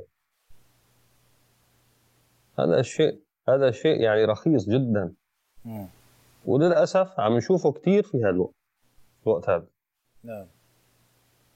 يعني آه، شخص مثلا بيطالع لك زمور إسعاف على العود. أنت تخيل مثلا إنه الشريف محي الدين أو يورجو باجانوس أو رياض السنباطي عم يعمل هيك.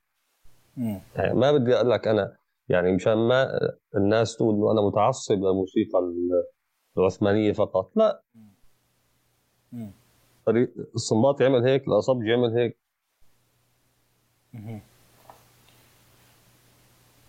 التكنيك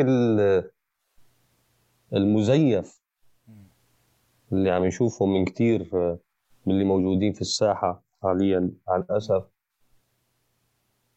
يعني شيء مخزي صراحة. يعني مثل ما قلنا الموسيقى منطق. إنك تكون عم تعزف أنت و... و...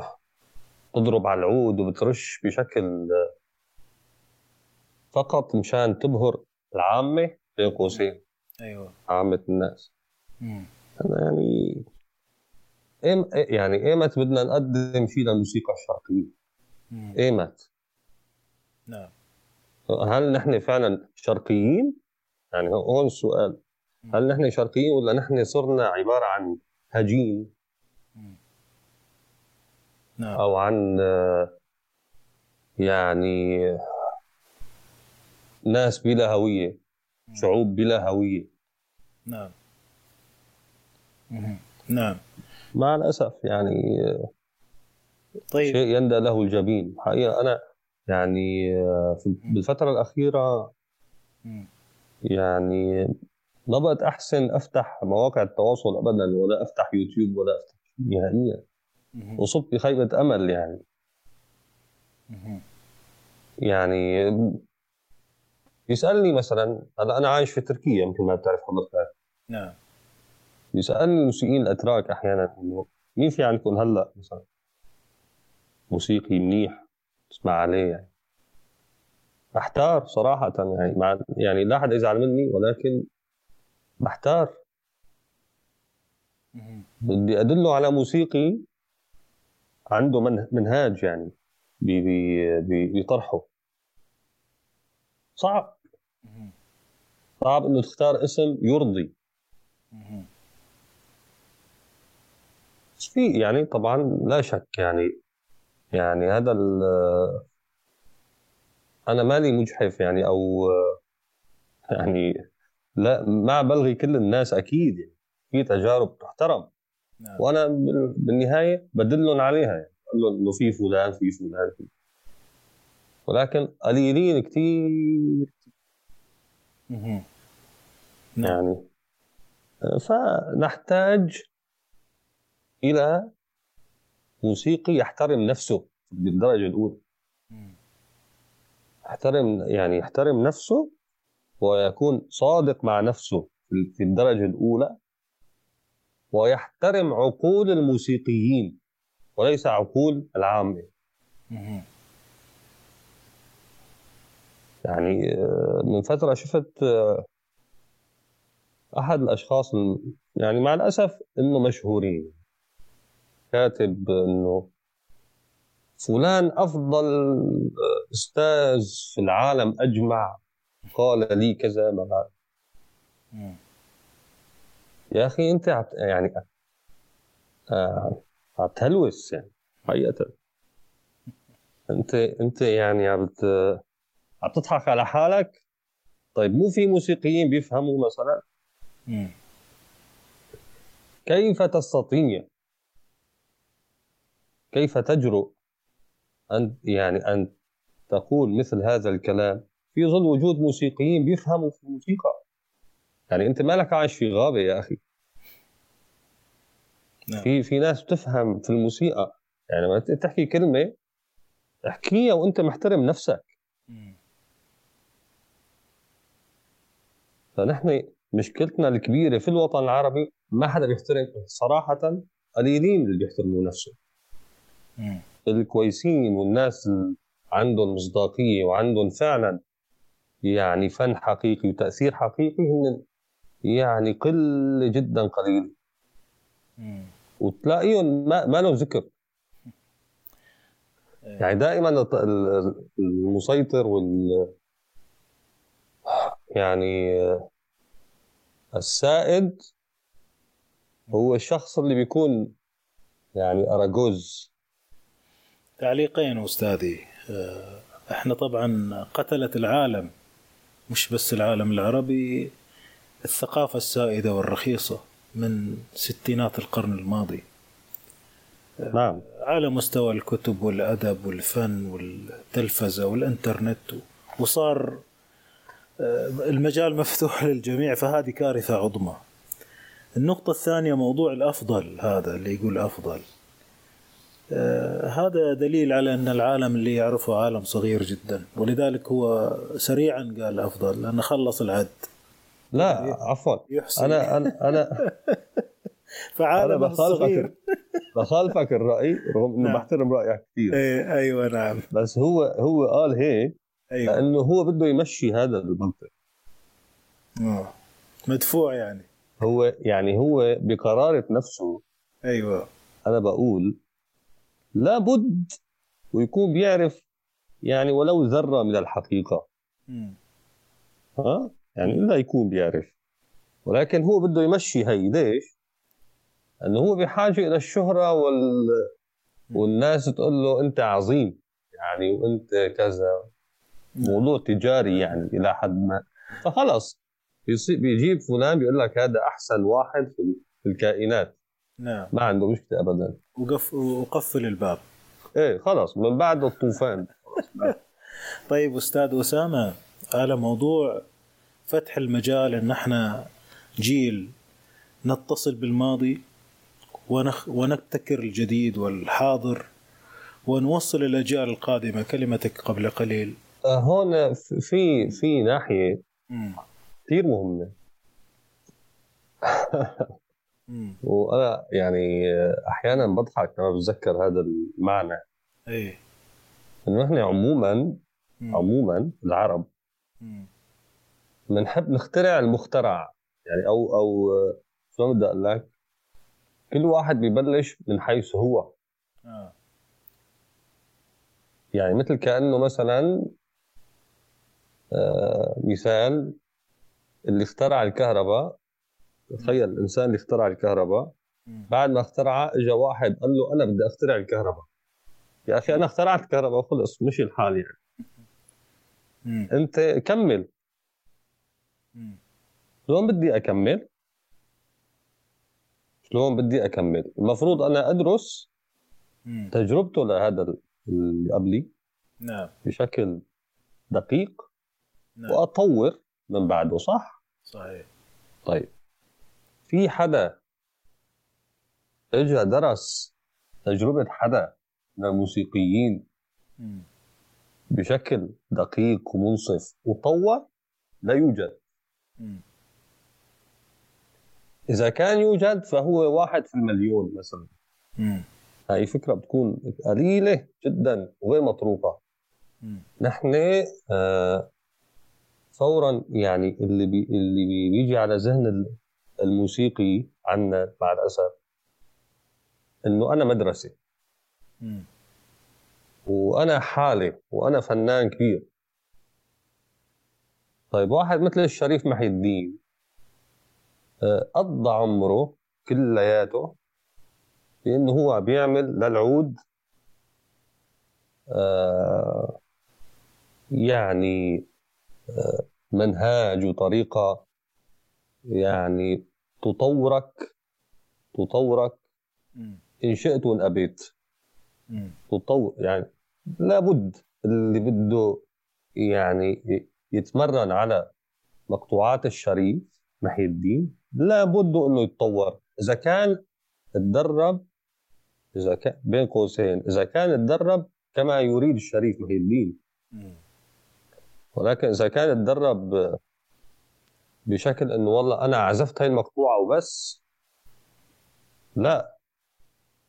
في أصول. في أصول. طيب. يجي ناس من بعد الشريف وغيره من كثير تجارب آه، مهمة مثله. بده يساوي تجربة خاصة هو من غير ما يروح على تجربة الشريف هي اللي. طيب ليش؟ يعني سؤال بيطرح نفسه.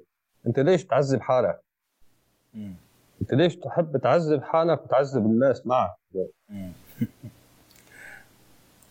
يعني آه، في حدا قبلك قضى عمره وراح على ودرس تشيلو وراح درس موسيقى غربية ودرس موسيقى شرقية واستخلص لك ورجل مت- متفرغ. وموهوب ولقبه رب العود في اسطنبول وقت ما كان عمره 12 سنة. مم. انت بتجي بتتجاهله تماما بدك تسوي مدرسة لحالك. في حين إنه أنت لا عندك إمكانياته ولا عندك وقته ولا عندك طلعوا ليش؟ يعني ليش هذا ال... هذا الظلم؟ أنت عم تظلم نفسك اولا وعم تظلم الناس وعم تظلم الموسيقى وعم تظلم ثقافة كاملة أنت. نعم. فهي مشكلتنا الرئيسية نحن. يعني آه، وكمان لاحظ أخي أستاذ فاضل كمان تدخل في موضوع الأدب. الأدب. الأدب إنك أنت ما تتجاهل ما تتجاهل تجارب الآخرين التجارب المهمة التجارب المجدية فعلا. هذا من الأدب. نعم. يعني ولذلك بحاجة نحن كموسيقيين شرقيين خلينا نقول إلى المزيد إلى الكثير مو المزيد إلى الكثير الكثير من المصداقية والجدية واحترام النفس. طيب أستاذ أسامة في هذا المحور نقطة أخيرة ودي نعيد التأكيد على موضوع كيفية التعامل مع التراث الشرقي. وأنت قلت لي عن موضوع المثال اختراع الكهرباء. هذا جانب آه. من الجوانب. لأن اللي بيخترع شيء جديد لم يخترع الله يعينه وطبعا المجال مفتوح. نعم. ونحتاج نبحث عن شيء لم يطرق. صحيح. لكن اكمالا للمسير التراث موجود والشخصيات الكبيرة موجودة والمؤثرة موجودة. أنا اليوم ابني اليوم كيف لي أن أتعامل تعاملا آه، جيدا مع التراث؟ لكي أواصل. اولا اولا ما لازم أنا آخذ التراث على أنه هو منهج مجبر عليه أنا. هذا اولا. م. يعني أنا ب... عبارة عن مثل كأنه يعني آه أنا بدي أدرسه غصبا عني لحتى أفهم. لا. التراث هو موسيقى وهو فن. له حقيقة ويعكس آه، أو يعكس آه، تجربة أشخاص بأزمنة معينة بتاريخ معين. هذا هو التراث. يعني شو التراث؟ آه، ليس يعني ليس مادة جامدة التراث. نعم.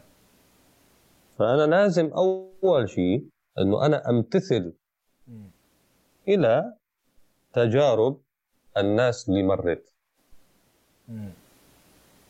اللي نحن بنسميهم تراث. تراثنا. أمتثل بجدية بمصداقية بحيث إنه أنا أتربى على هذا النوع بشكل جيد. لأنه هي تربية بالنهاية الموسيقى تربية. نعم. الموسيقى مثل ما قلنا آه، لا يمكن أن يكون في موسيقى عميقة بمنطق واحد زائد واحد يساوي اثنين. بعمل هيك بصير هيك. بعمل بعمل هيك بأخذ هيك. لا. أحيانا الموسيقى واحد زائد واحد يساوي عشرة الموسيقى نعم. ولكن ما هي هذه العناصر التي إذا جمعتها تصير معك عشرة؟ نعم. أحسن. المفروض أنت لحتى تعرف هاي العناصر تكون أنت متبحر جدا بإنصاف في هذا التراث وبمنطق التراث وتعرف شلون يعني تصيد الأفكار. فالتعامل مع التراث أول شيء ينبغي يكون تعامل وجداني تعامل تربوي. آه هذا بداية. بعدين الأهم من هذا الشيء أو مو الأهم الخطوة الثانية بقصد يكون آه أنا أمين في النقد إذا بدي أنا يعني أنقل التراث أو نعم. أديه أكون أمين في النقد مثل ما أن الموسيقى رسالة. أنا أحد الناس وكل الناس مثلي. إذا حكيت كلام معين أو كتبت كلام ما بريد يجي حدا يحكي هذا الكلام بشكل آخر. يعني غير اللي أريده أنا. يعني إذا صار معك هيك شيء تشعر ب بانزعاج شديد. وكأنه شيء يعني يعني وكأنه شخص آه، اغتصب هال هال هالفكرة تبعيتك. نعم. فالتعامل بأمانة وامتثال آه الأداء أداء التراث آه يعني مفروض يكون كما أريد له. بعد أنت أفكارك إذا كانت فعلا خلاقة ومجدية ولها قيمة يا أخي ساويها أحصرها بمؤلفات أنت بتعملها ساي مؤلفات أثري فيها أنت الثقافة. يعني مثلا واحد مثل جنوشان الله يرحمه. التركي جنوشان طال كرور نعم. عمل كثير مؤلفات حلوة و... وكان خير مثال للموسيقي اللي هو امتداد للي قبله. وملهم للي بعده. حتى إنه هو أضاف مقام اخترع مقام جنوشان أيوه. يعني موسيقى ما انتهت. ولكن تحتاج إلى ناس جديين مخلصين. نعم. فالتعامل مع التراث ولكن تسمع أنت جنوشان مثلا أو غيره. نعم. بيعزف بشرف فلنفرض يوسف باشا أو أي بشرف من الخارج أو السماعيات أو كذا. لا عم يعزفه مثل ما أريد له. ما عم يعزفه مثل ما هو بده. جينو تشان يعني لا. في احترام. لهي لهي القطعة هالمؤلف نعم. فالتعامل مع التراث برأيي لازم يكون في هال بهالصدد يعني بهالجانب. شكرا والله يا أستاذ أسامة. طيب حديثا عن الموسيقى الشرقية خلينا نعاود ختام سؤال. ما هي مشكلة الموسيقى العربية؟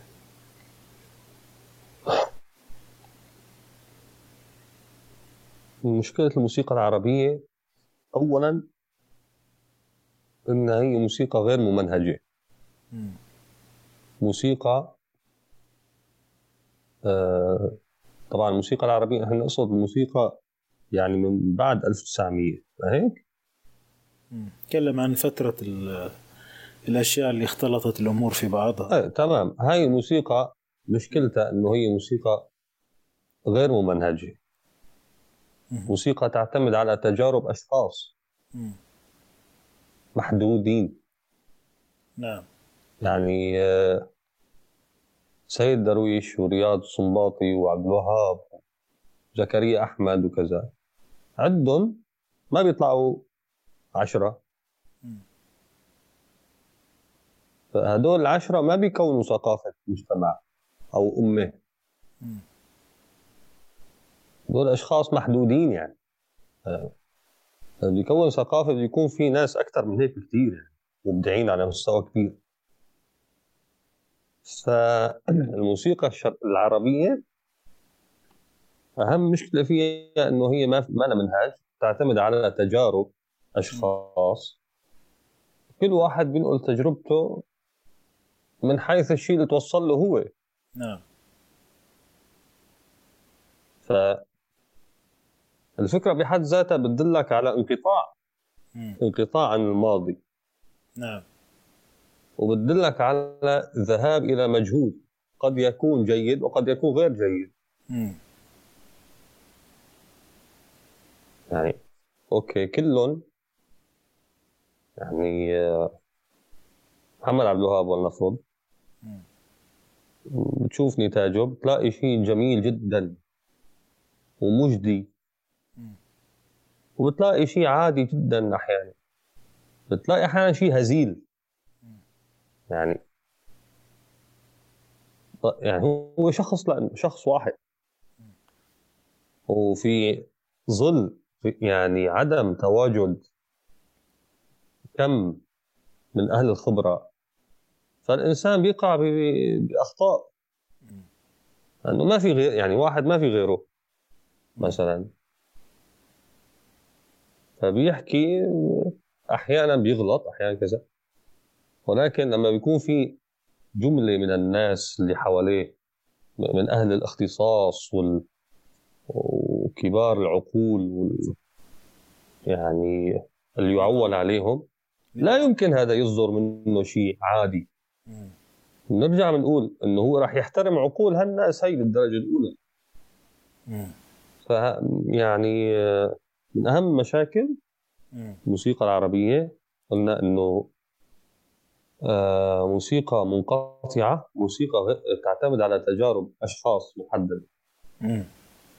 موسيقى غير منهجية بمعنى إنه آه، لا تمثل الموسيقى الشرقية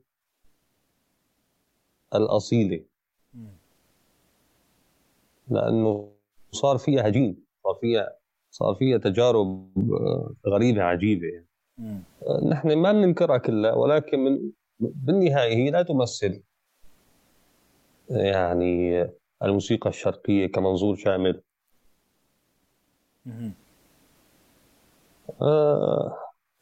طيب الألحان القطع آه يعني آه في في ناحية ثانية يعني كمان عندنا نحن من أهم المشاكل اللي قلناها نحن قبل شوي. انه الموسيقى العربية هي موسيقى غنائية. يعني أنا كحلبي فلنفرض. يعني إيش في عندي أنا في حلب؟ مقطوعات موسيقية آلية حلبية بحسن أنا بعزفها. وبقضي عمري كله عم بعزفها أو عم بنهل منها. ما في.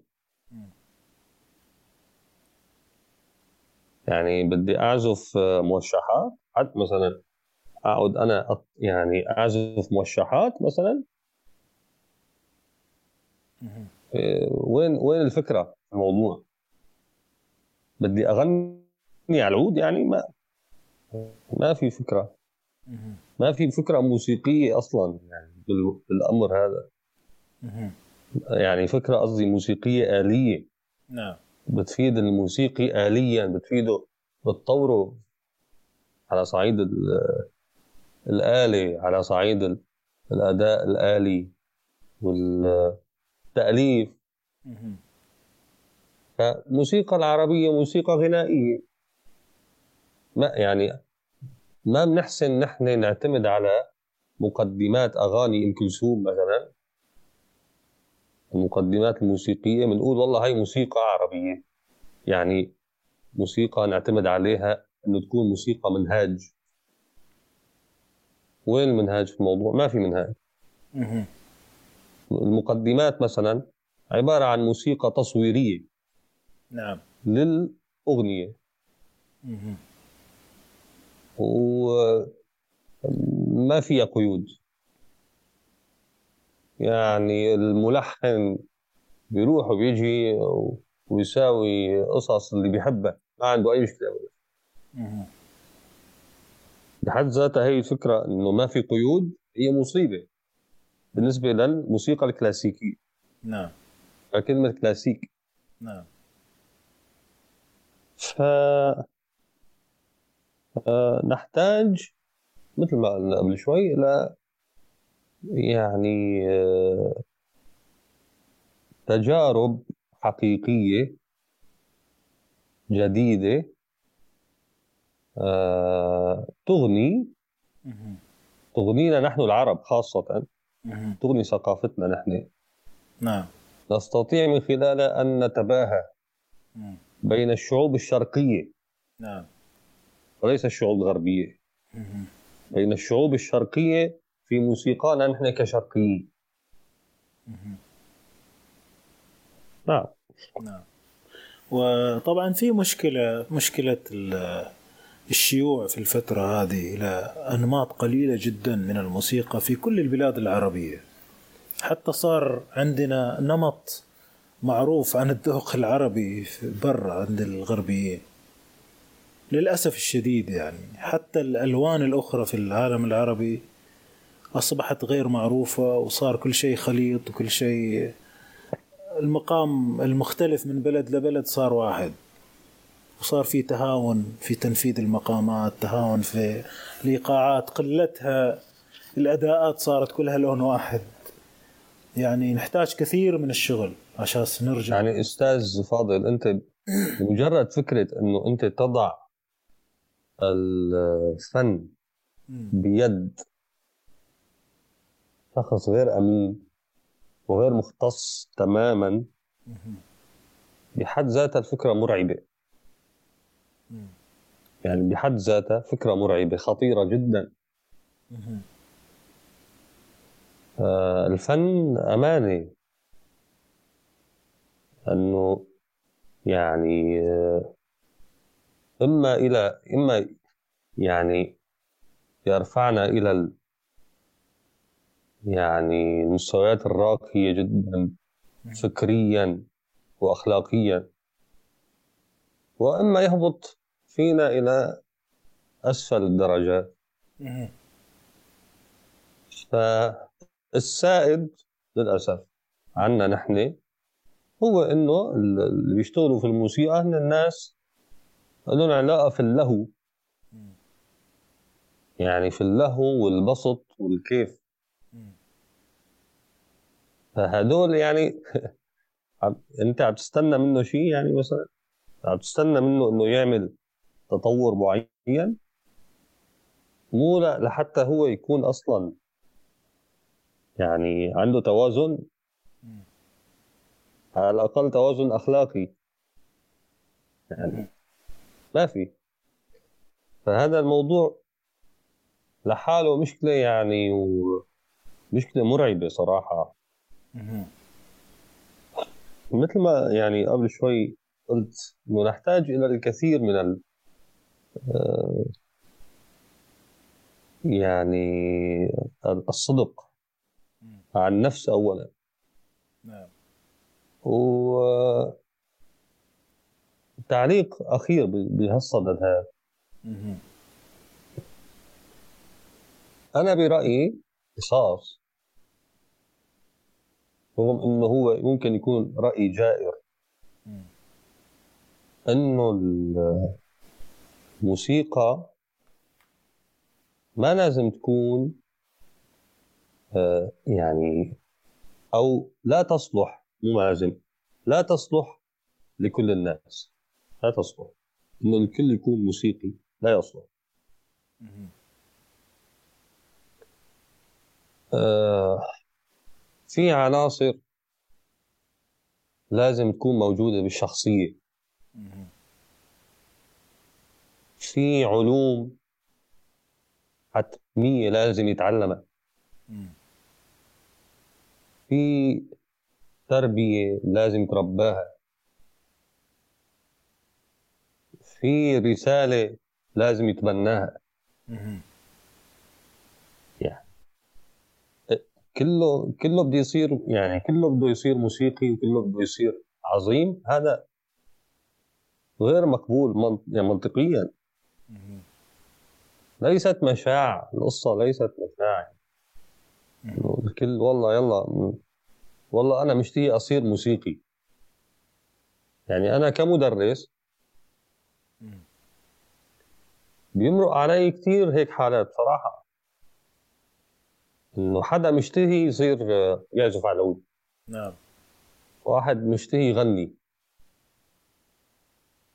لأنه مشتهي بيصير بيعذب حاله بيعذب الأستاذ بيعذب المجتمع كله بيعذب الكائنات. لأنه لأنه مشتهي. لأنه مو شغلته هو. لو كان شغلته فعلا لو كان فعلا هو فنان فعلا بالفطرة فنان حقيقي كان بان عليه هذا الشيء يعني منذ نعومة أظافره كما يقولون. كان بان هذا الشيء وكان هو يعني يعني مشي فيه من زمان. ولكن بيجيك ناس كثير بده يتعلم الموسيقى مثلا يتعلم العود لأنه سمع نصير شمة مثلا عم بيساوي شغله على العود.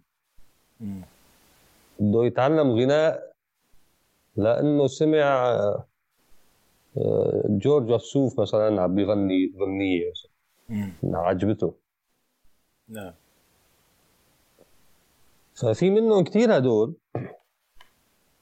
بضل شغال في القصة هاي وبأقرب فرصة يستطيع أن يبث فيها.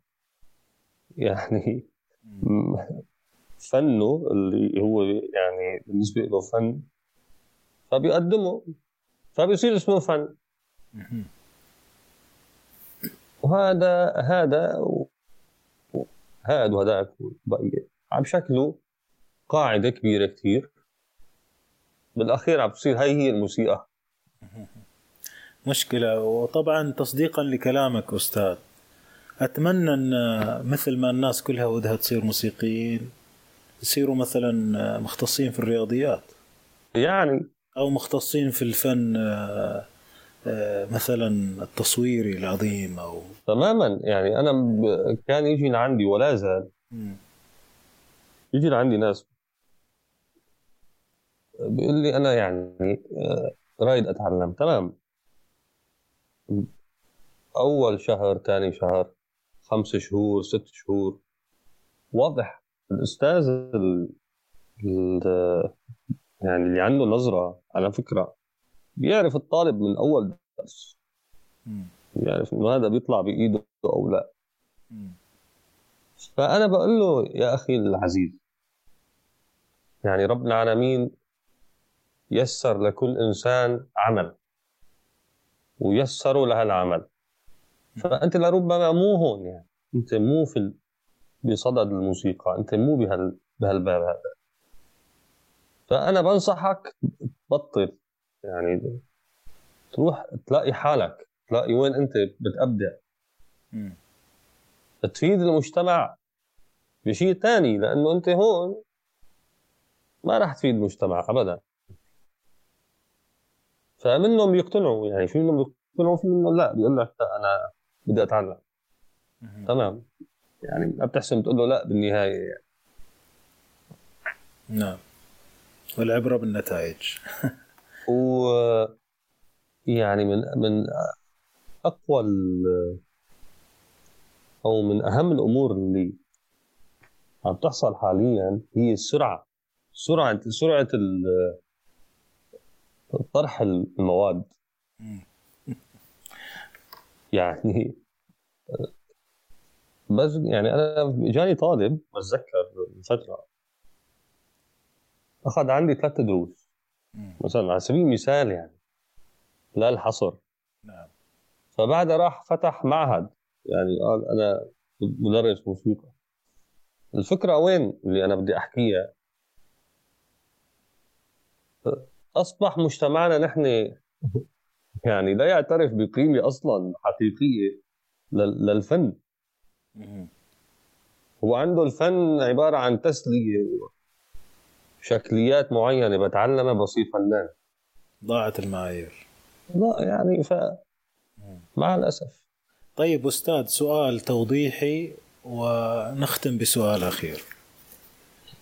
خلينا نشوف موضوع أكيد في ناس الآن قالت ما دام تكلمنا عن الموسيقى العثمانية أنت متحيز وتكره الموسيقى العربية. خلينا نستوضح هذا الشأن على السريع ثم ننتقل إلى السؤال الأخير. والله يا أستاذ فاضل يعني يؤسفني أنا ويحزنني أني أنا يعني كعربي ألجأ مثلا إلى يعني شعوب أخرى بدافع الحاجة. هذا يحزنني أنا. وأنا يعني أنا ك كعربي بالعكس. الحمد لله أنا معتز بعروبتي لدرجة جيدة جدا يعني. يعني حتى هون بتركيا من خلال تعاملي مع الفنانين الأتراك بأحد المرات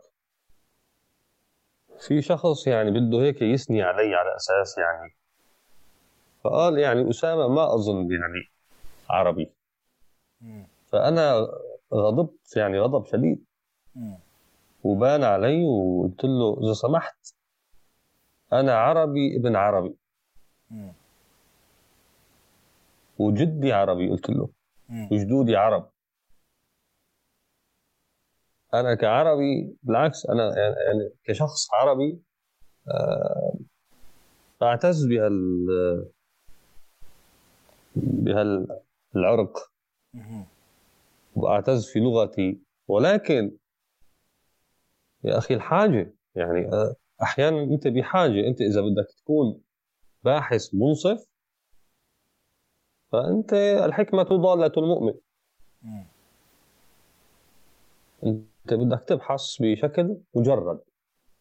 بدك ما تطلع على عرق ولا تطلع على قومية ولا الموسيقى ليست آه، شغلة يعني قومية. يعني أنا مثلا لما بسمع شوبان مثلا أو موزارت ما بفكر هذا من أي بلد يعني. كذلك الأمر لما بسمع طنبوري جميل بي ما بقول هذا تركي. بقول هذا موسيقي. يعني آه ليش؟ لا أنا أفرح إنه آه يعني أو أتعصب للمز... لا لا لا لحدا ثاني يعني ما يعني ما هو السبب؟ ما راح يكون في سبب أصلا. أنا ماني متعصب للموسيقى العثمانية. أنا متعصب للموسيقى الحقيقية. أنا متعصب للموسيقى الكلاسيكية. أنا متعصب للموسيقى المجدية للموسيقى المعبرة للموسيقى المنطقية. وين ما كانت تكون.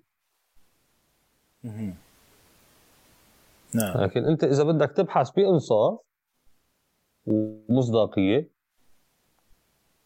لابد لابد أن تفضل الموسيقى العثمانية. لابد.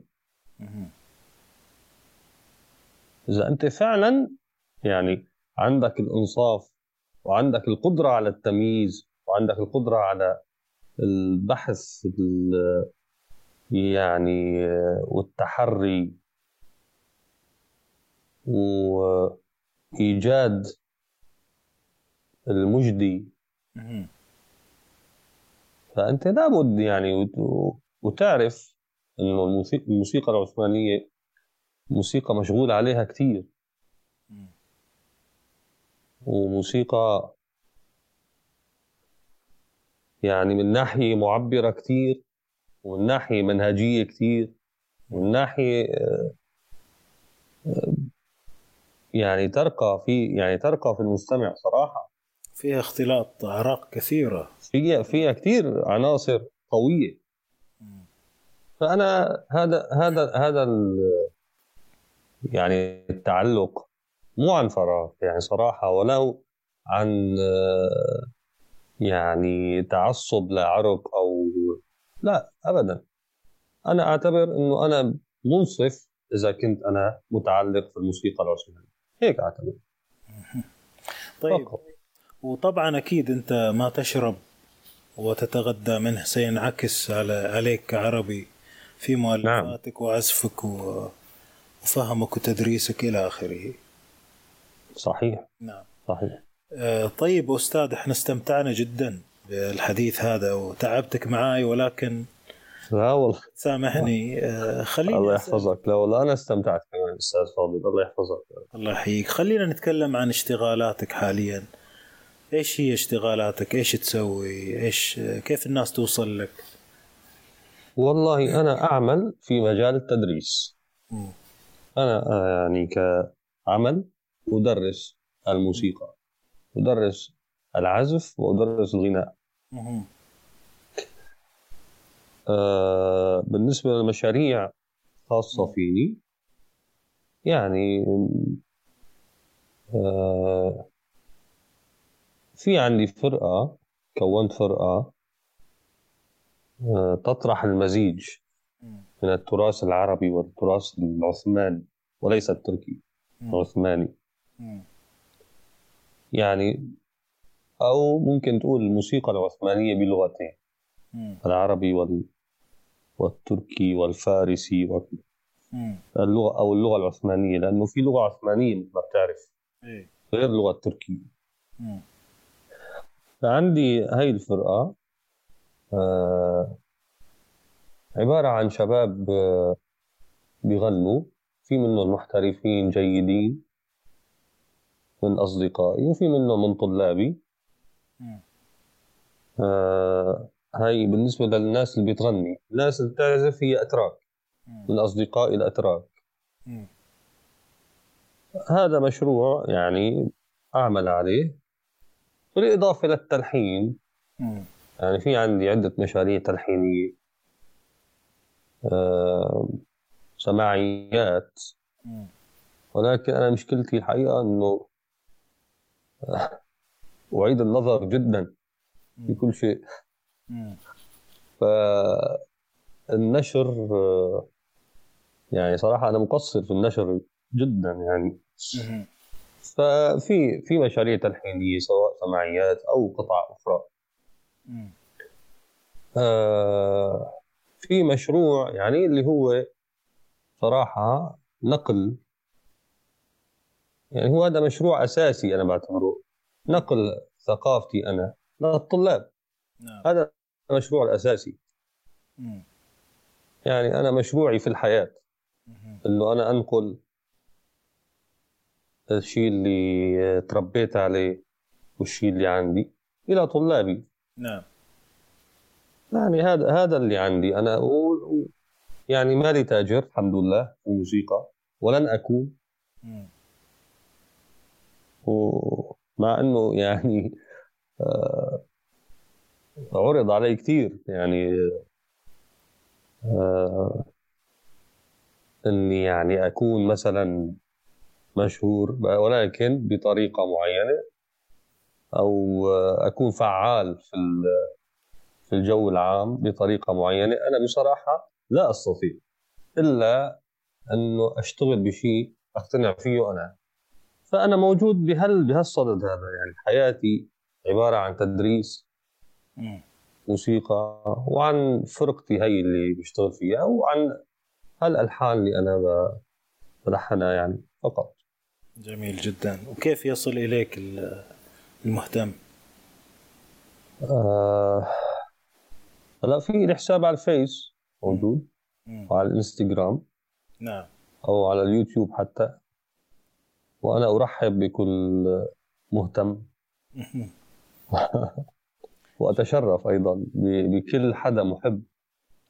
يعني للموسيقى وعنده إخلاص وعنده وعي. نعم. أستاذ أسامة ألف شكر لك على وقتك. الله يحفظك يا رب أستاذ فاضل. شكرا لك أنت ولأهتمامك. الله يعطيك العافية ومزيدا.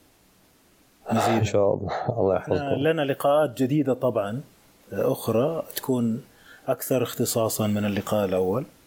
إن شاء الله. إن شاء الله نلتقي على وقتك وعلى الظروف. وقبل أن نختم آه، ونترك لك الختام نريد أن تختار لنا عملا. نسمعه معك من شغلك. أه مسمعكم تقسيم م. على مقام محير. إذا راح نسمع ولكن بعد ختام. تفضل يا أستاذ. آه، أنا بتشكرك لك أستاذ فاضل. وبتمنى إنه يكون في يعني آه كثير يعني ناس مهتمة مثل حضرتك في الموسيقى بهالشكل هذا اللي الملحوظ ما شاء الله حضرتك آه أثبتت يعني اهتمام عالي الدرجة صراحة. فأنا بشكرك لك في البداية وبتمنى من كل شي حدا مهتم في الموسيقى. آه إنه يعتبر إنه الموسيقى هي رسالة تعبر عنه فعلا عن شخصيته فعلا. وليست الموسيقى عبارة عن مادة للتداول فقط يعني. نعم.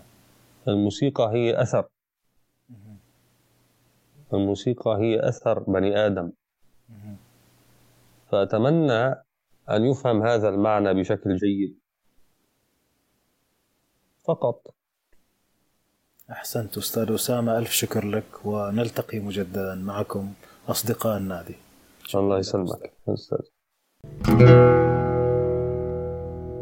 Thank you